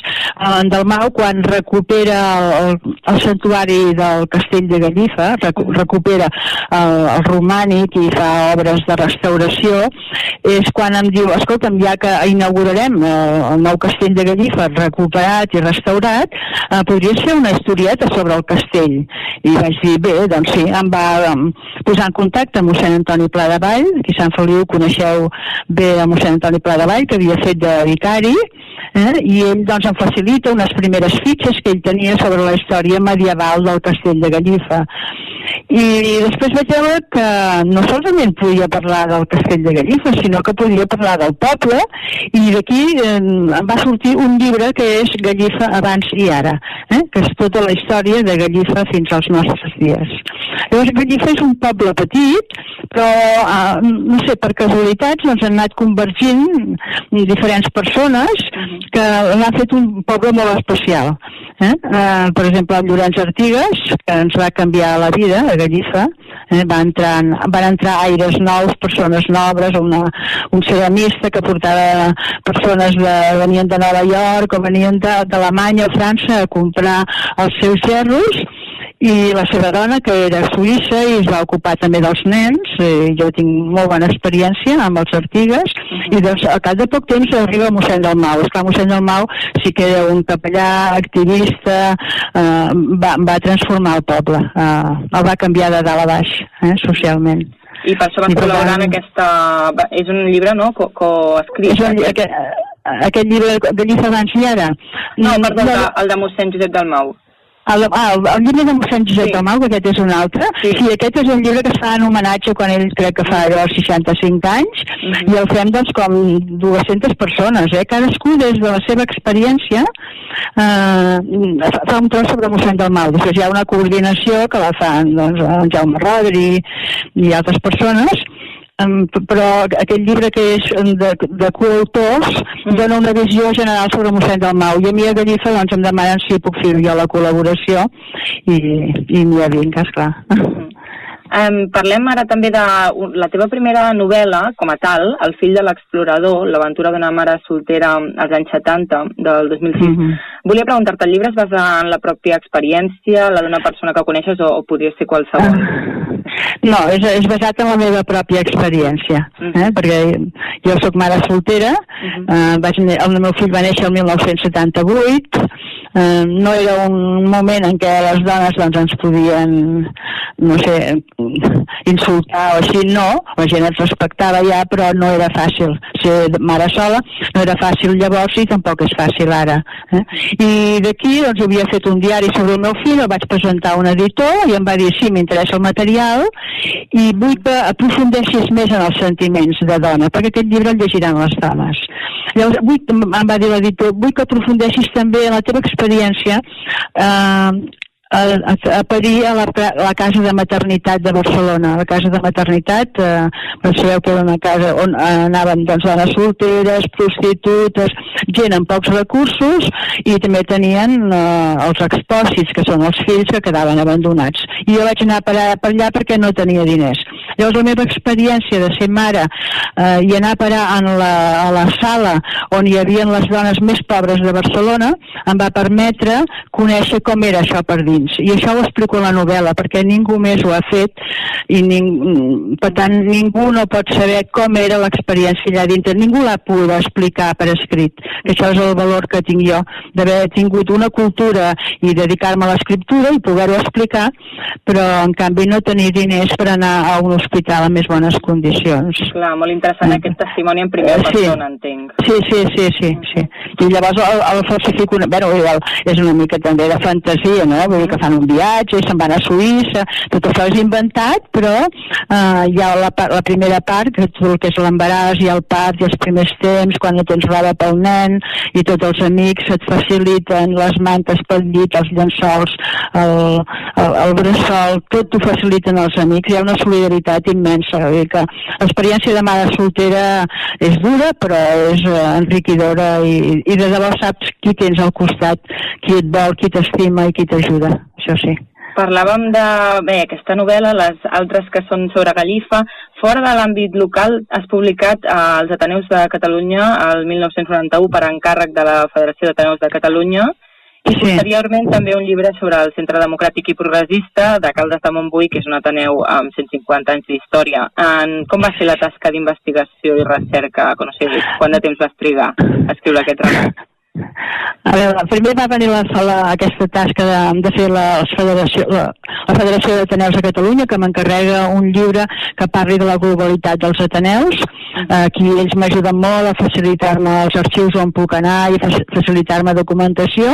I és a partir d'això que a Caldes de Montbui, el Centre Democràtic Progressista, que no té el nom d'Ateneu però funciona com, com un Ateneu, eh, buscaven algú per escriure la seva història, perquè és una història molt, molt interessant i no trobaven ningú a Caldes. No sé si és que la gent eh, aquest tema el valoraven poc a vegades passa que el, el que és nostre ens ho valorem poc i el dels altres ens sembla que és molt millor. I buscant, buscant, doncs algun dia algú els va dir, ah, jo conec una senyora de Gallifa que ha fet una història sobre els Ateneus i van dir, home, doncs això és el que ens va bé, aquí a Caldes, una persona que ja conegui els Ateneus, eh, es van posar en contacte amb mi i ens van posar d'acord i, i vaig començar a escriure el llibre. Un llibre que no era gens fàcil, ha sigut un, una tasca totalment, gairebé 100% d'investigació, perquè aquest centre democràtic, quan arriba el 1939 i acaba la Guerra Civil Espanyola, mmm, desapareixen tots els arxius. No sabem si els van cremar, eh, què, ha passat amb aquests arxius. Per tant, començo de zero, de dir, vostè parli d'aquesta entitat, però no sabem res.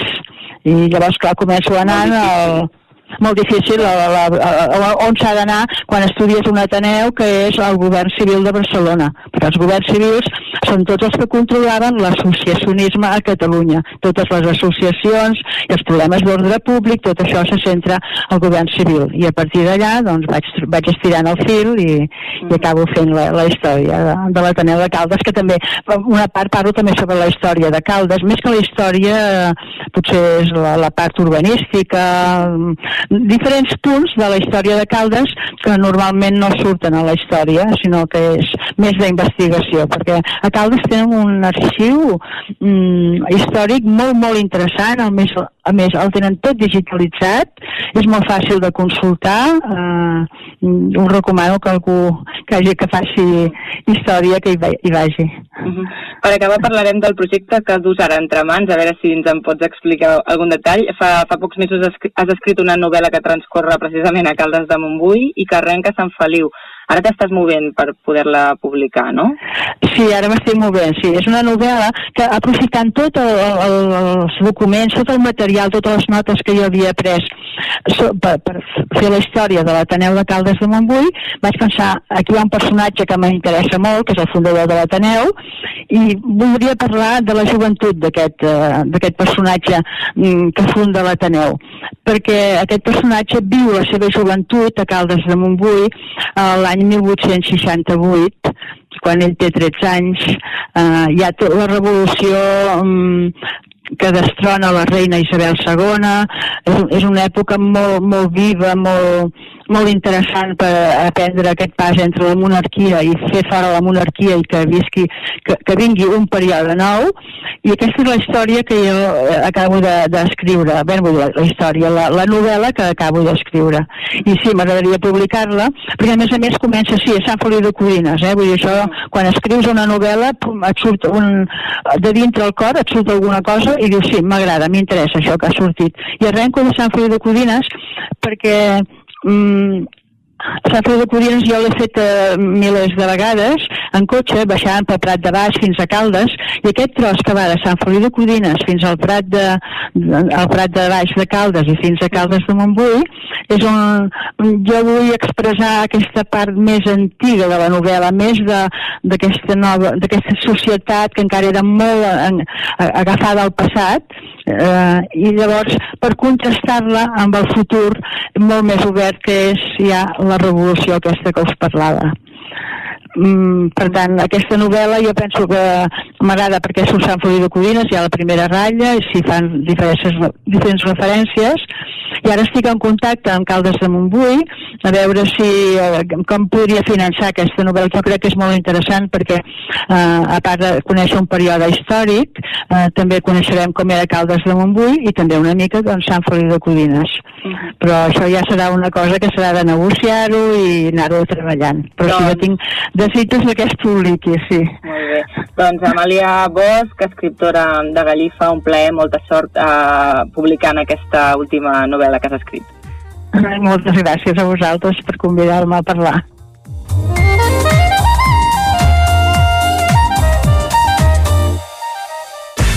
El nou FM, la ràdio de casa, al 92.8.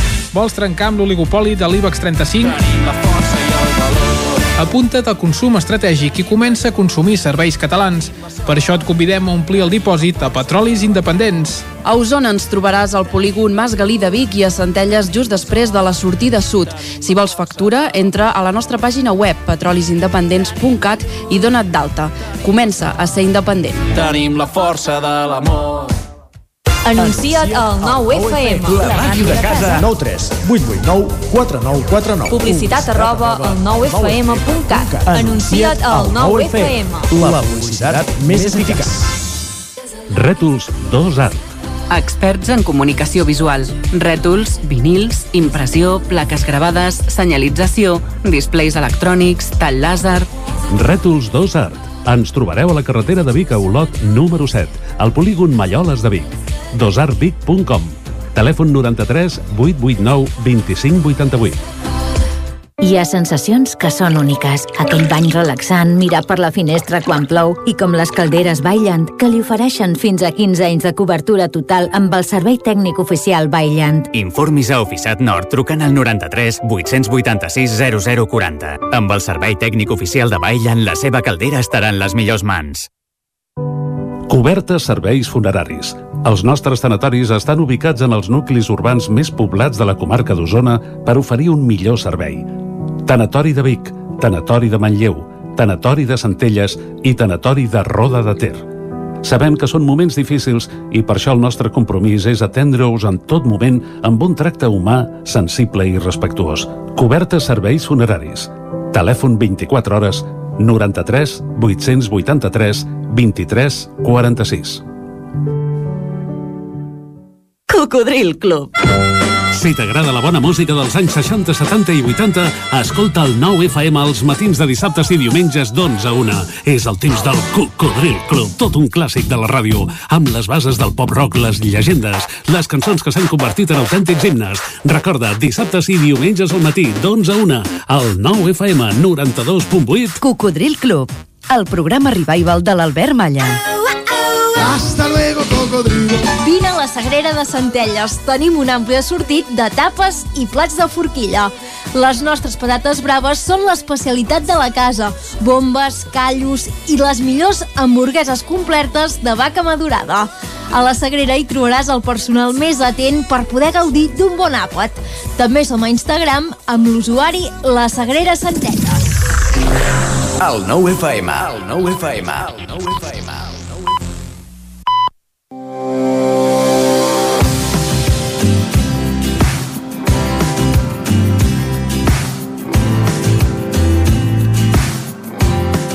Ahir en Sergi, educador ambiental de l'associació Alter, ens va portar una ruta pel Ripollès, però una és poc per gaudir de tot el que la comarca ens ofereix. Així que agraïts i estem al Sergi perquè avui ens porta una altra d'aquestes rutes. Estigueu atents. La segona ruta que us recomano és a Vallter, també dins del Parc Natural de les Capçaleres i coneguda com a Olla de Vallter. És una ruta circular per fer el circ d'Ull de Ter i el circ de Morens. És de dificultat alta, aproximadament uns 12 quilòmetres. Es pot fer amb 5 hores i amb un desnivell acumulat de 1.100 metres. Per començar-la podrem deixar el cotxe just abans d'arribar a Vallter, sota de l'heliport, concretament a la última de les paelles, on ja hi ha un pàrquing de grava i des d'on s'agafa el GR que puja cap al refugi d'Ull de Ter. Es comença la ruta, doncs, agafant el GR, un camí molt fresat que s'enfila per dins del bosc i el matollar just a sota del refugi. Creuarem un pont de fusta que travessa el riu Ter i just allà ens desviarem del GR per agafar cap a l'esquerra la primera canal del Gra de Fajol Petit. Començarem la pujada senyalitzada amb fites. És una pujada de dificultat tècnica alta, elevada. És una grimpada d'aproximadament uns 400 metres de desnivell, amb molts passos aeris, grans blocs de pedra i on has d'anar amb compte a on poses els peus. No és recomanable per persones que puguin tenir vertigen o que puguin tenir impressió a les alçades. Un cop passat aquest punt, arribarem al cim del Gra de Fajol Petit i seguirem carenejant i passant el pas dels isards fins al Gra de Fajol. Allà agafarem el camí que baixa fins al coll de la Marrana i un cop al coll de la Marrana enfilarem cap al pic de Vestiments, un pic de 2.880 metres d'alçada, el més alt del circ de Morens i d'Ull de Ter. Un cop allà, anirem cap a la dreta i seguirem carenejant per al Coll de la Geganta, el Puig d'Umbriaga, el Pic de Bacibés i finalment el Pic de la Dona. Allà ens desviarem cap a la Portella de Mantet i des d'allà agafarem altra vegada el GR que ens baixarà fins a l'estació de Vallter. Un cop arribats a l'estació de Vallter només caldrà agafar la carretera i baixar fins on hem deixat el cotxe inicialment al costat de l'heliport. Per rebaixar la dificultat d'aquesta ruta només caldria seguir des del refugi fins al coll de la Marrana, estalviant-nos així la part de dificultat tècnica més elevada que serien els dos gratafajols. Doncs ja ho sabeu, si no teniu plans aquest cap de setmana, a banda dels que us puguin explicar les agendes de Territori 17, podeu anar a provar aquestes rutes. Territori 17 què, Vicenç, t'hi volies en cor o què? Home, déu nhi la ruta que ens ha proposat, eh? Ostres, jo ho veig, ho veig fotudot, eh? Aquest cap de setmana no, no, no, no em queda gaire bé. En tot cas, estarem al cas de les agendes de Territori 17, com bé deia el David Auladell, però abans d'anar cap a l'agenda d'actes culturals pel cap de setmana, el que toca, que és una cosa que sí que està més a l'abast, és anar amb Està tren. més a l'abast, però si fas l'aproximació fins al Vestiments per la R3 fins a Ripoll, ja l'excursió pot ser mortal de necessitat. ah, déu nhi De moment, arrisquem-nos i anem cap a la R3 a Trenc d'Alba. A Tren d'Alba. Cada dia els usuaris de la línia R3 de Rodalies que veuen sortir el sol des d'un vagó ens expliquen les gràcies i les penes del primer comboi que uneix Ripoll i Barcelona. Benvinguts a Tren d'Alba. Avui estem d'enhorabona, ja que Renfe implantarà tota la xarxa de Rodalies al sistema per a l'accés i pagament directe en els torns amb targeta bancària. Que bé, oi? Un moment. I els baixadors que no disposen ni de validadora, com és el cas del de Borgunyà? Hi ha previst posar-hi aquesta màquina o una altra que vengui bitllets? O fer-hi alguna millora? Es demanava un usuari a Twitter. Va, us deixo amb la Núria perquè ens expliqui el meravellós viatge d'avui. Bon dia des de l'R3. Avui nou despropòsit. El tren ha arribat 14 minuts i mig tard. Just, just, just, perquè a part de putejar no ens hagin de tornar el bitllet d'evolució. Sí, sí, ha sortit eh, de, de Vic, realment ja eren, sí, potser passaven ja 10-12 minuts de... 13, 13 minuts, em sembla que ho he mirat, i eren 13 minuts sortia tard de l'estació, ha anat recuperant, que he pensat, ah, mira, al final arribarem com 5 minuts tard i prou. Però resulta que hem estat a Montcada bifurcació, parats més de 10 minuts, deixant passar tots els altres trens, i a nosaltres que ens fotessin, no passa res. Però quan hem arribat aquí a Torrebaró, doncs eren ahir 42, i ahir 43 m'haurien hagut de tornar el bitllet. Bonic, eh que sí? Comences el dia amb una alegria, amb una confiança amb el transport públic. En fi, res, no tinc gaire més per explicar avui. Feia molt fred a Vic i aquí s'està temperat. Esperem que demà ja no haurem de sumar més minuts, però bueno, res. Aquí, Núria, des de l'R3, un dia més. Bon dia. Ei, segur que no ha acabat en final feliç? Bé, doncs potser sí que podem confiar una mica en la humanitat. Això és el que té. Quan tardes tants dies i tantes vegades has de fer reclamacions, pel personal de l'estació a vegades acaba sent de la família. Ara li he dit a la, a la senyora que hi ha aquí a l'estació i directament m'ha fet la devolució sense mirar si havia arribat amb els 14 minuts, amb els 15 o 25. ja sap que tinc raó. Doncs va, vinga, una alegria després d'aquesta enfadada inicial. Bon dia! Ja deia jo, al final resulta que deuen estar tan acostumats als retards que donen tiquets devolució per inèrcia i perquè la consciència no els pesi tant abans d'anar a dormir. Va, ens retrobem demà i recordeu que ja portem un retard acumulat de dues hores i un minut des de l'inici d'aquest mes de setembre. Territori 17 Doncs sí, Goita, al final ha acabat bé i tot el viatge per la Núria, eh? Li han retornat els diners, tot i haver arribat... No, li, li han donat minut... el, el, un bitllet. Bé, un bitllet, sí, Aquí que també és veritat. No, també... no, no tornen diners. No, això, això també és cert. Uh, però vaja, val més això que res. Goita, Oh, i tant. ja diu que ja la coneixen i baixa a Torre Baró, eh? Mm. Sí, és curiós això. Sí. Si més no, a Torre Baró no, no hi ha massa llocs per anar a treballar, però bé.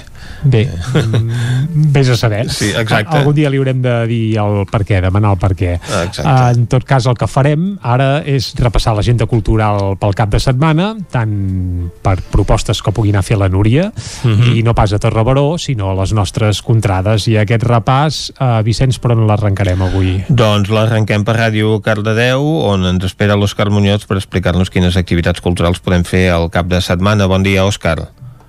Bon dia. Quines activitats Mira, ens doncs proposes? Portem teatre, Mhm. portem cinema, portem vermuts literaris, Home, això portem una mica de tot. Molt bé. Doncs comencem. Doncs sí, mira, comencem per demà i demà passat eh, assajos en públic de Per fi sol, una obra de teatre de la manta del Carles Sans, al Teatre Auditori de Llinars del Vallès. Ara que els altres cicles prenen aquest descans indefinit, aquest és l'espectacle que tots els seguidors volen veure. Per què? Perquè expliquen secrets de la companyia, eh, anècdotes professionals, eh, divertides, aquest, Vaja, que és un monòleg on en Carles Sanz ens explica una mica les interioritats del tricicle. Sí, perdó. Aquest espectacle si es realitza és una residència tècnica que es fa al Teatre Auditori uh -huh. i per això permet l'assaig amb el públic. Cal tenir en compte que, veniu, bueno, que anireu a veure un espectacle encara està en creació i que això fa que sigui tot més emocionant. El preu de l'entrada són de 3 euros. Uh -huh. Dissabte a les 3 tenim... No, dissabte a les 8 de la nit tenim la representació de l'obra Gente Bien, de Santiago Rossinyol, a càrrec de l'associació Artesana Social, al museu. Cal reservar trucant al museu i el preu d'entrada també costa com 3 euros. Als cinemes Esbarjos, demà a les 9 tenim la projecció del documental del mes, Marwa, Petita i Valenta. És una història que expliquen des de 2012 eh, una família que va fugir de la guerra de Síria i la petita Marwa viuen això, als, camp, als camps de refugiats de Zatari, a Jordània, en el seu dia a dia i explicant això. Com és la vida en un camp de refugiats. Tenim més propostes pel que ens havies comentat, no, Òscar? Sí, perdona. tenim problemes tècnics. Eh, també tenim cinema del 2 al 4 d'octubre hi haurà la pel·lícula Un mundo normal en versió original en idioma espanyol Uh -huh. És la vida d'un director de teatre excèntric i inconformista que rep la mort d'un familiar molt proper i de camí al cementiri ell i la seva filla eh, bueno, tenen bastantes anècdotes i la seva filla també està una mica cansada de les seves bogeries i per això l'acompanya perquè no es descentri de la seva missió. Uh -huh. Dissabte a les Dissabte a les 12 del migdia tenim vermuts literaris a l'Espai Cultural i Gastronòmic del Tarambana. Com és tradició, eh, amb aquesta edició estarà amb el periodista i escriptor Albert Forn. I diumenge al, de les 6 a les 7 al Teatre Auditori de Cardedeu tenim un dia qualsevol, obra de teatre d'una àvia que se'n va viure a una residència per la mort del seu marit i coneix a dos avorrits avis que no paren de, de discutir, de... que estan molt avorrits. Uh -huh. I gràcies a ella crea un munt de situacions eh, absurdes i divertides que faran comprometre la directora de, del centre. Mm. I fins aquí el repàs de la cultura. Molt bé, doncs gràcies Òscar Muñoz, anem eh, cap a Ona Codinenca, allà hi tenim a la Caral Campàs. Caral, bon dia. Hola, bon dia. La Caral també té a punt un seguit de propostes per als propers dies. Sí, uh, no en tinc gaires, però uh Mhm. -huh. sí que tinc dues propostes cinematogràfiques. Um, una és a Sant Feliu de Codines, que aquest dissabte a les 6 de la tarda projecten la pel·lícula infantil Dumbo al centre cívic a La Fonteta. Mm, des de l'Ajuntament comenten que hi ha un aforament limitat a 70 persones uh -huh. i no s'ha de comprar entrada prèviament, sinó que és per ordre d'arribada. Per tant, recomanem que s'hi vagi amb cert temps perquè si no eh, us podeu trobar que, que no hi hagi lloc. I La projecció no es fa proposta- pas en honor a l'elefanta de Caldes, no? Ah, M'esperava algun comentari d'aquest tipus. M'esperava algun comentari. És que això no, és una bomba, no, eh? És... Això sí que és tenir una Sí. veïna il·lustre. Una, una veïna de pes, si més no. Això segur. Sí, bé, no, no és en honor a la Dumba, podria ser-ho, però no ho és. És la típica pel·lícula infantil uh, Dumbo. Uh, el que sí que us comento és que la setmana que ve intentarem tenir uh, aquesta gent per poder-la parlar aquí al Territori 17, ja, ja, ja, ho, ja ho anunciarem. Però Clar bé, que sí. uh, aquest dissabte a les 6 de la tarda al Centre Civil La Fonteta, tothom qui vulgui pot anar a veure la pel·lícula infantil Dumbo. I per altra banda, l'altra proposta cinematogràfica que tinc és a Vigues i Riells, que segueixen el cicle de cinema Gaudí. En aquest cas, la pel·lícula de Sant Feliu és amb entrada gratuïta. En aquest, en aquest cas s'ha de pagar amb 4 euros i mig. Uh, és divendres a dos quarts de nou del vespre al Teatre Auditori Polivalent i també es projecta un film més aviat infantil que es diu El meu germà persegueix dinosaures uh -huh. i parla de el protagonista és un nen de 5 anys que té dues germanes i un dia els seus pares li diuen que tindrà un nou germà que serà especial. Llavors en Jack pensa que especial vol dir que serà un superheroi, però amb el pas del temps comença a veure, se sent una mica decepcionat i veu que el seu germà eh, ha nascut amb síndrome de Down. I llavors uh -huh. és en aquest moment que el seu entusiasme es transforma en rebuig i vergonya i haurà de passar l'adolescència per adonar-se que la seva idea inicial no estava tan equivocada i que el seu germà contagia tanta vitalitat que arriba a concloure que potser sí que és un superheroi de veritat. Uh -huh. Molt bé, doncs gràcies per aquestes propostes des d'una codinenca. Caralt, anem a la veu de Sant Joan, allà tenim l'Isaac Muntades. Isaac, bon dia. Bon dia. Bon, bon dia, Vicenç, bon dia, Jordi. Bon dia, bon dia. Aniràs a Don... fer, perdona, eh, que ja ja t'interrompo mm. directament, eh, però és que amb la proposta que digues, ens han digues. fet avui per anar a fer, vaja, el vol per, per, per Vallter... No, no l'olla de Núria, sinó l'olla de Vallter. Correcte, una bestiesa d'excursió de, que, que té la marinera, no sé si tu, Isaac, series capaç de, de fer-la o no, eh? Sí, home, i tant, Sí. que seria capaç de fer-la caminant segur que sí, home, segur vull dir que no, ara no recordo quantes hores eren, eh, però Oh, són unes dit quantes, unes eh 5 i pel que Sí, explicava sí. jo diria 5 per un professional eh? Uh, potser amb en Vicenç n'hi tardaríem 8 o 10 segurament si ho haguessin de fer sencer però vaja Uh, no parlarem d'anar a fer l'excursió a Vallter sinó suposo que ens portes altres propostes eh? Sí, us porto un parell de propostes i també, bueno, pr primer per començar que dir-vos que la- l'altre dia m'ho preguntava en Vicenç i el cinema Comtal teòricament ja reobre, bueno, ja, ja està en funcionament, Mhm. Ja està en i aquest cap, funcionament, i aquest cap de setmana doncs, el circuit urgellenc doncs, ja porta algunes pel·lícules. Ara parlava I una i mica també de... l'Ajuntament ja hi comença a programar també. Sí, correcte, correcte. I de, I de fet ja parlarem la setmana vinent també de- d'altres actes que, que s'hi fan, com és el tema del uh, Terra Gullut Film Festival, que també hi haurà la presentació precisament al, al Teatre Comtal, però ja que parlàveu de Dumbo, doncs al Teatre Comtal no s'hi fa Dumbo, però s'hi fa Pinocho, que Ah. si més no també és una pel·lícula d'aquestes uh, conegudes que, que Disney ha popularitzat i, i bé, doncs uh, aquest dissabte doncs hi ha sessió de Pinocho i també de, de la pel·lícula Uno para Todos per tant aquest cap de setmana ja, ja es pot anar al Comtal i amb l'aforament limitat evidentment però a poc a poc sembla ser que es va normalitzant una mica la situació cultural a la comarca. Aquestes, aquest cap de setmana i, i aquests dies no hi ha moltes activitats eh, culturals, de fet divendres us ampliarem més activitats de, de caire d'oci, però sí que us en puc eh, parlar d'un parell que és, per exemple, doncs, avui mateix hi ha la presentació d'un llibre que es diu Eixamplant l'esquerda i guanyarà la independència, que, com sabeu, l'ha escrit un dels vicepresidents de la mesa del Parlament de Catalunya, Josep Costa, Mhm. i bé, el llibre tracta de resoldre una pregunta que es fa molta gent, que és si l'1 d'octubre doncs, va ser el referèndum que hi va a l'octubre va ser una derrota o una victòria i la resposta doncs, és el que desencadena tots els esdeveniments posteriors que s'expliquen en Eixamplant l'esquerda que és un llibre que en certa manera per el que ens comenten vol recuperar la confiança en la força del moviment independentista.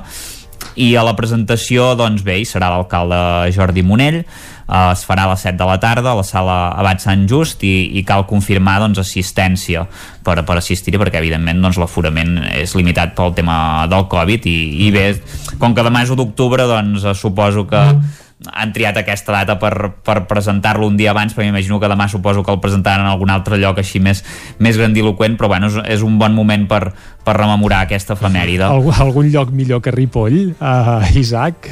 Bé, no, he dit en algun lloc més grandiloquent, més gran, perquè m'imagino doncs, que evidentment suposo Bressol que de demà... Catalunya. Sí, és. Per, per això es fa la vigília, no? Perquè és el Bressol de Catalunya. Si, evidentment no es faria pas en un altre lloc que, que no fos Ripoll. I, i bé, eh, també s'ha de dir que és un dels, dels llocs que s'ha presentat, vull dir que no, en certa manera doncs, s'ha donat a, a aquest valor a Ripoll. I, i l'altra activitat així destacada és dissabte que és, és del Terra Gullut uh, Film Festival ja. Encara no està inaugurat però ja fa activitats a, a aquest festival de, de cinema. Uh, desembarca a Can de Bànol Uh, i el Cercle Can d'Anolenc doncs, a les 8 del vespre serà qui acollirà la projecció d'un documental de 45 minuts de Miquel Carrillo que es titula La, la Justa Trama.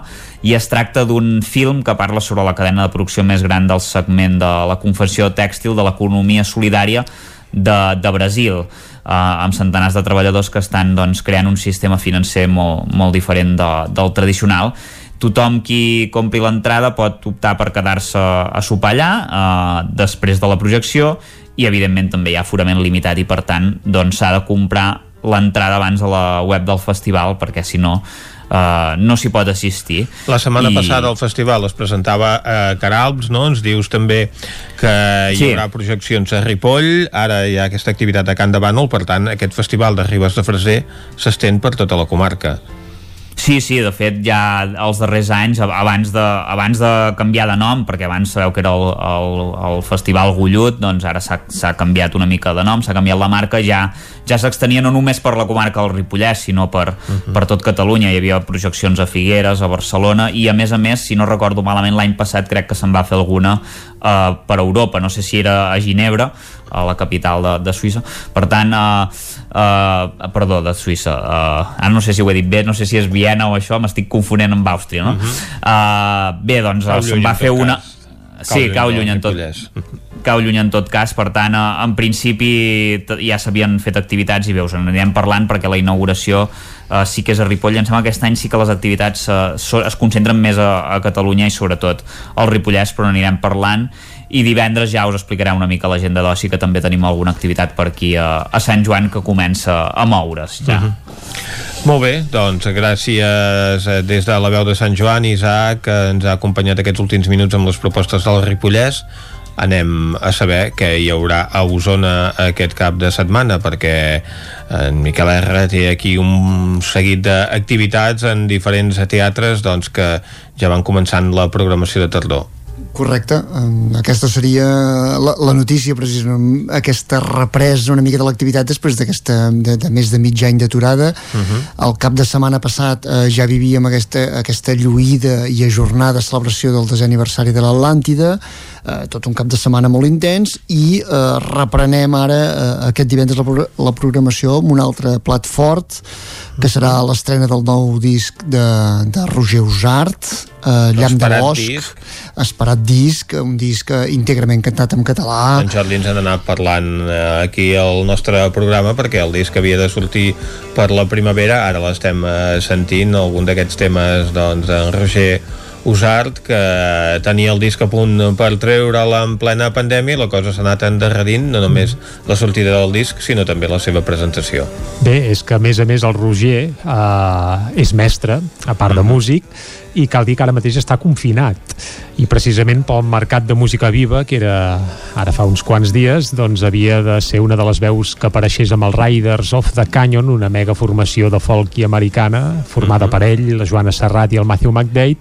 Doncs bé, el Roger no hi va poder ser però ja podem avançar que es desconfina eh, se li acaba la quarantena la qual està sotmès per un positiu d'un alumne a l'escola on treballa doncs divendres al migdia se li acaba el confinament, per tant divendres al vespre... Ho farà pels pèls, eh? Sí, que podrà ser pels pèls i mai tan ben dit sí que podrà ser a, a l'Atlàntida on es podran escoltar cançons com aquesta que escoltem ara de fons, La vida que pren que és el primer single que s'ha conegut d'aquest seu nou disc, Llamp de Bosc. Si us sembla, escoltem un fragment, mig minutet i amb I Miquel que sí. ens en continua avançant altres de propostes pel cap de setmana. Va. I si caus t'alçaràs de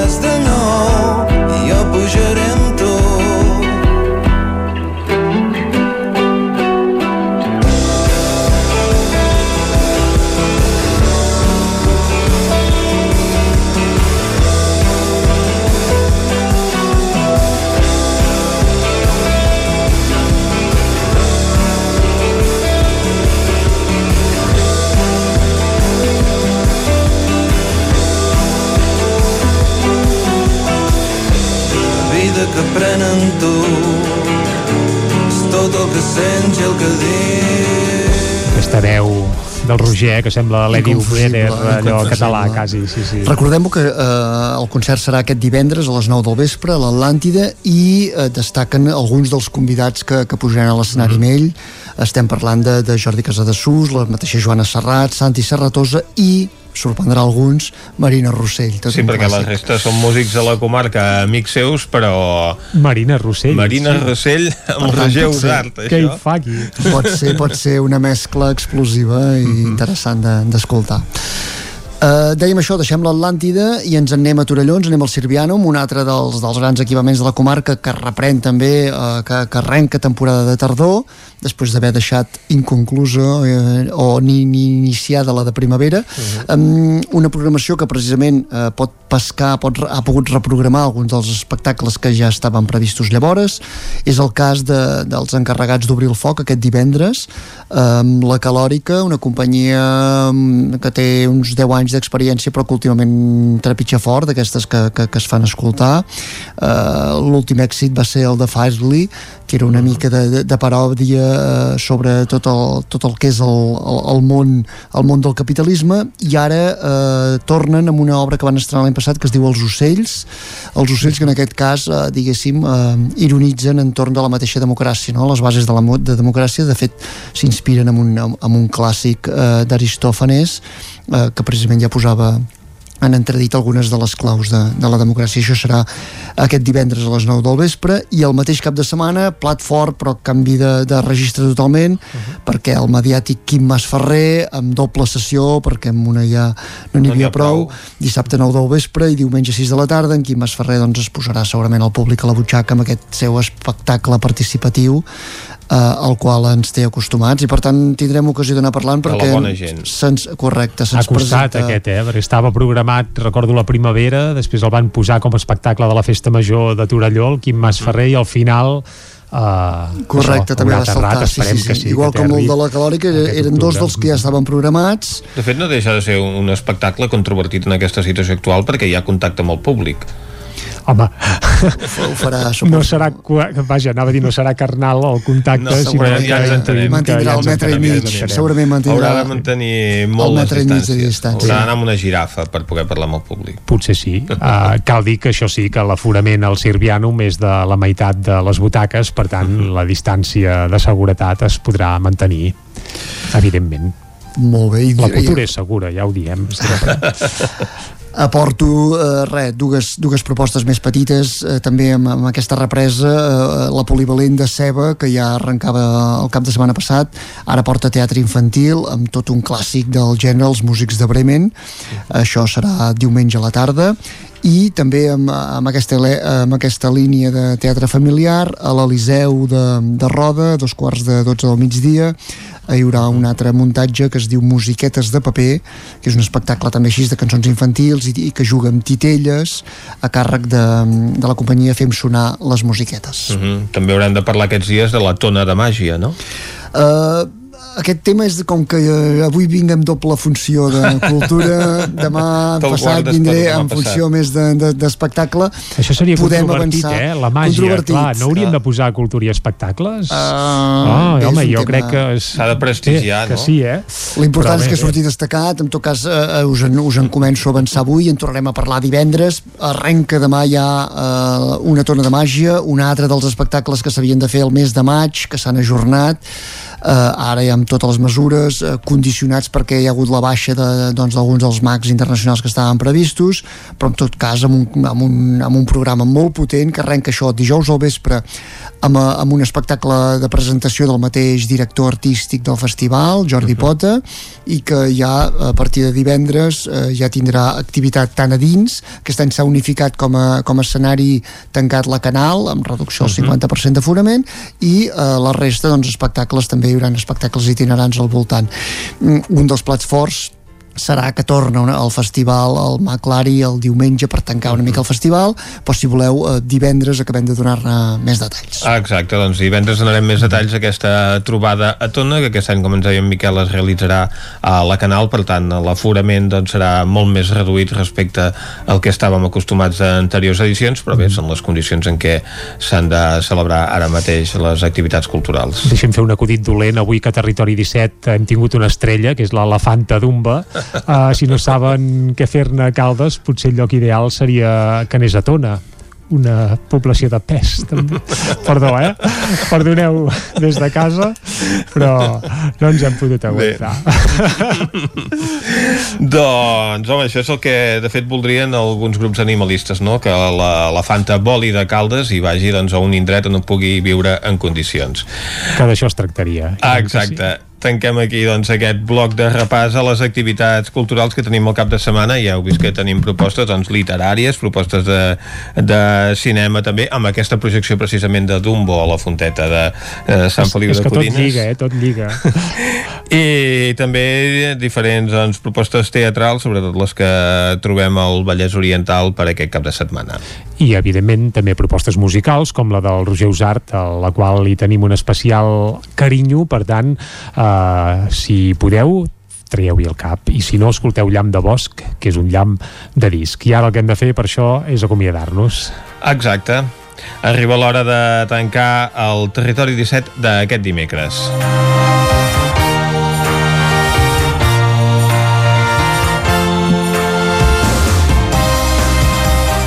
Un territori 17 que us hem fet Clàudia Tinarès, Caral Campàs, Isaac Muntades, David Auladell, Pepa Costa, Isaac Moreno, Jordi Givert, Miquel R, Txell Vilamala, Òscar Muñoz, Jordi Sunyer i Vicenç Vigues. Nosaltres tornarem demà, com sempre, des de les 9 del matí fins a les 12 del migdia. Adeu. Siau.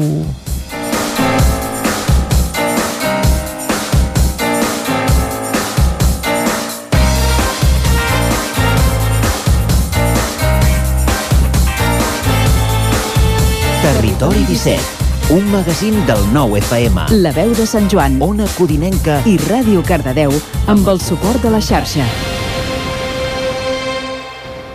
El nou FM.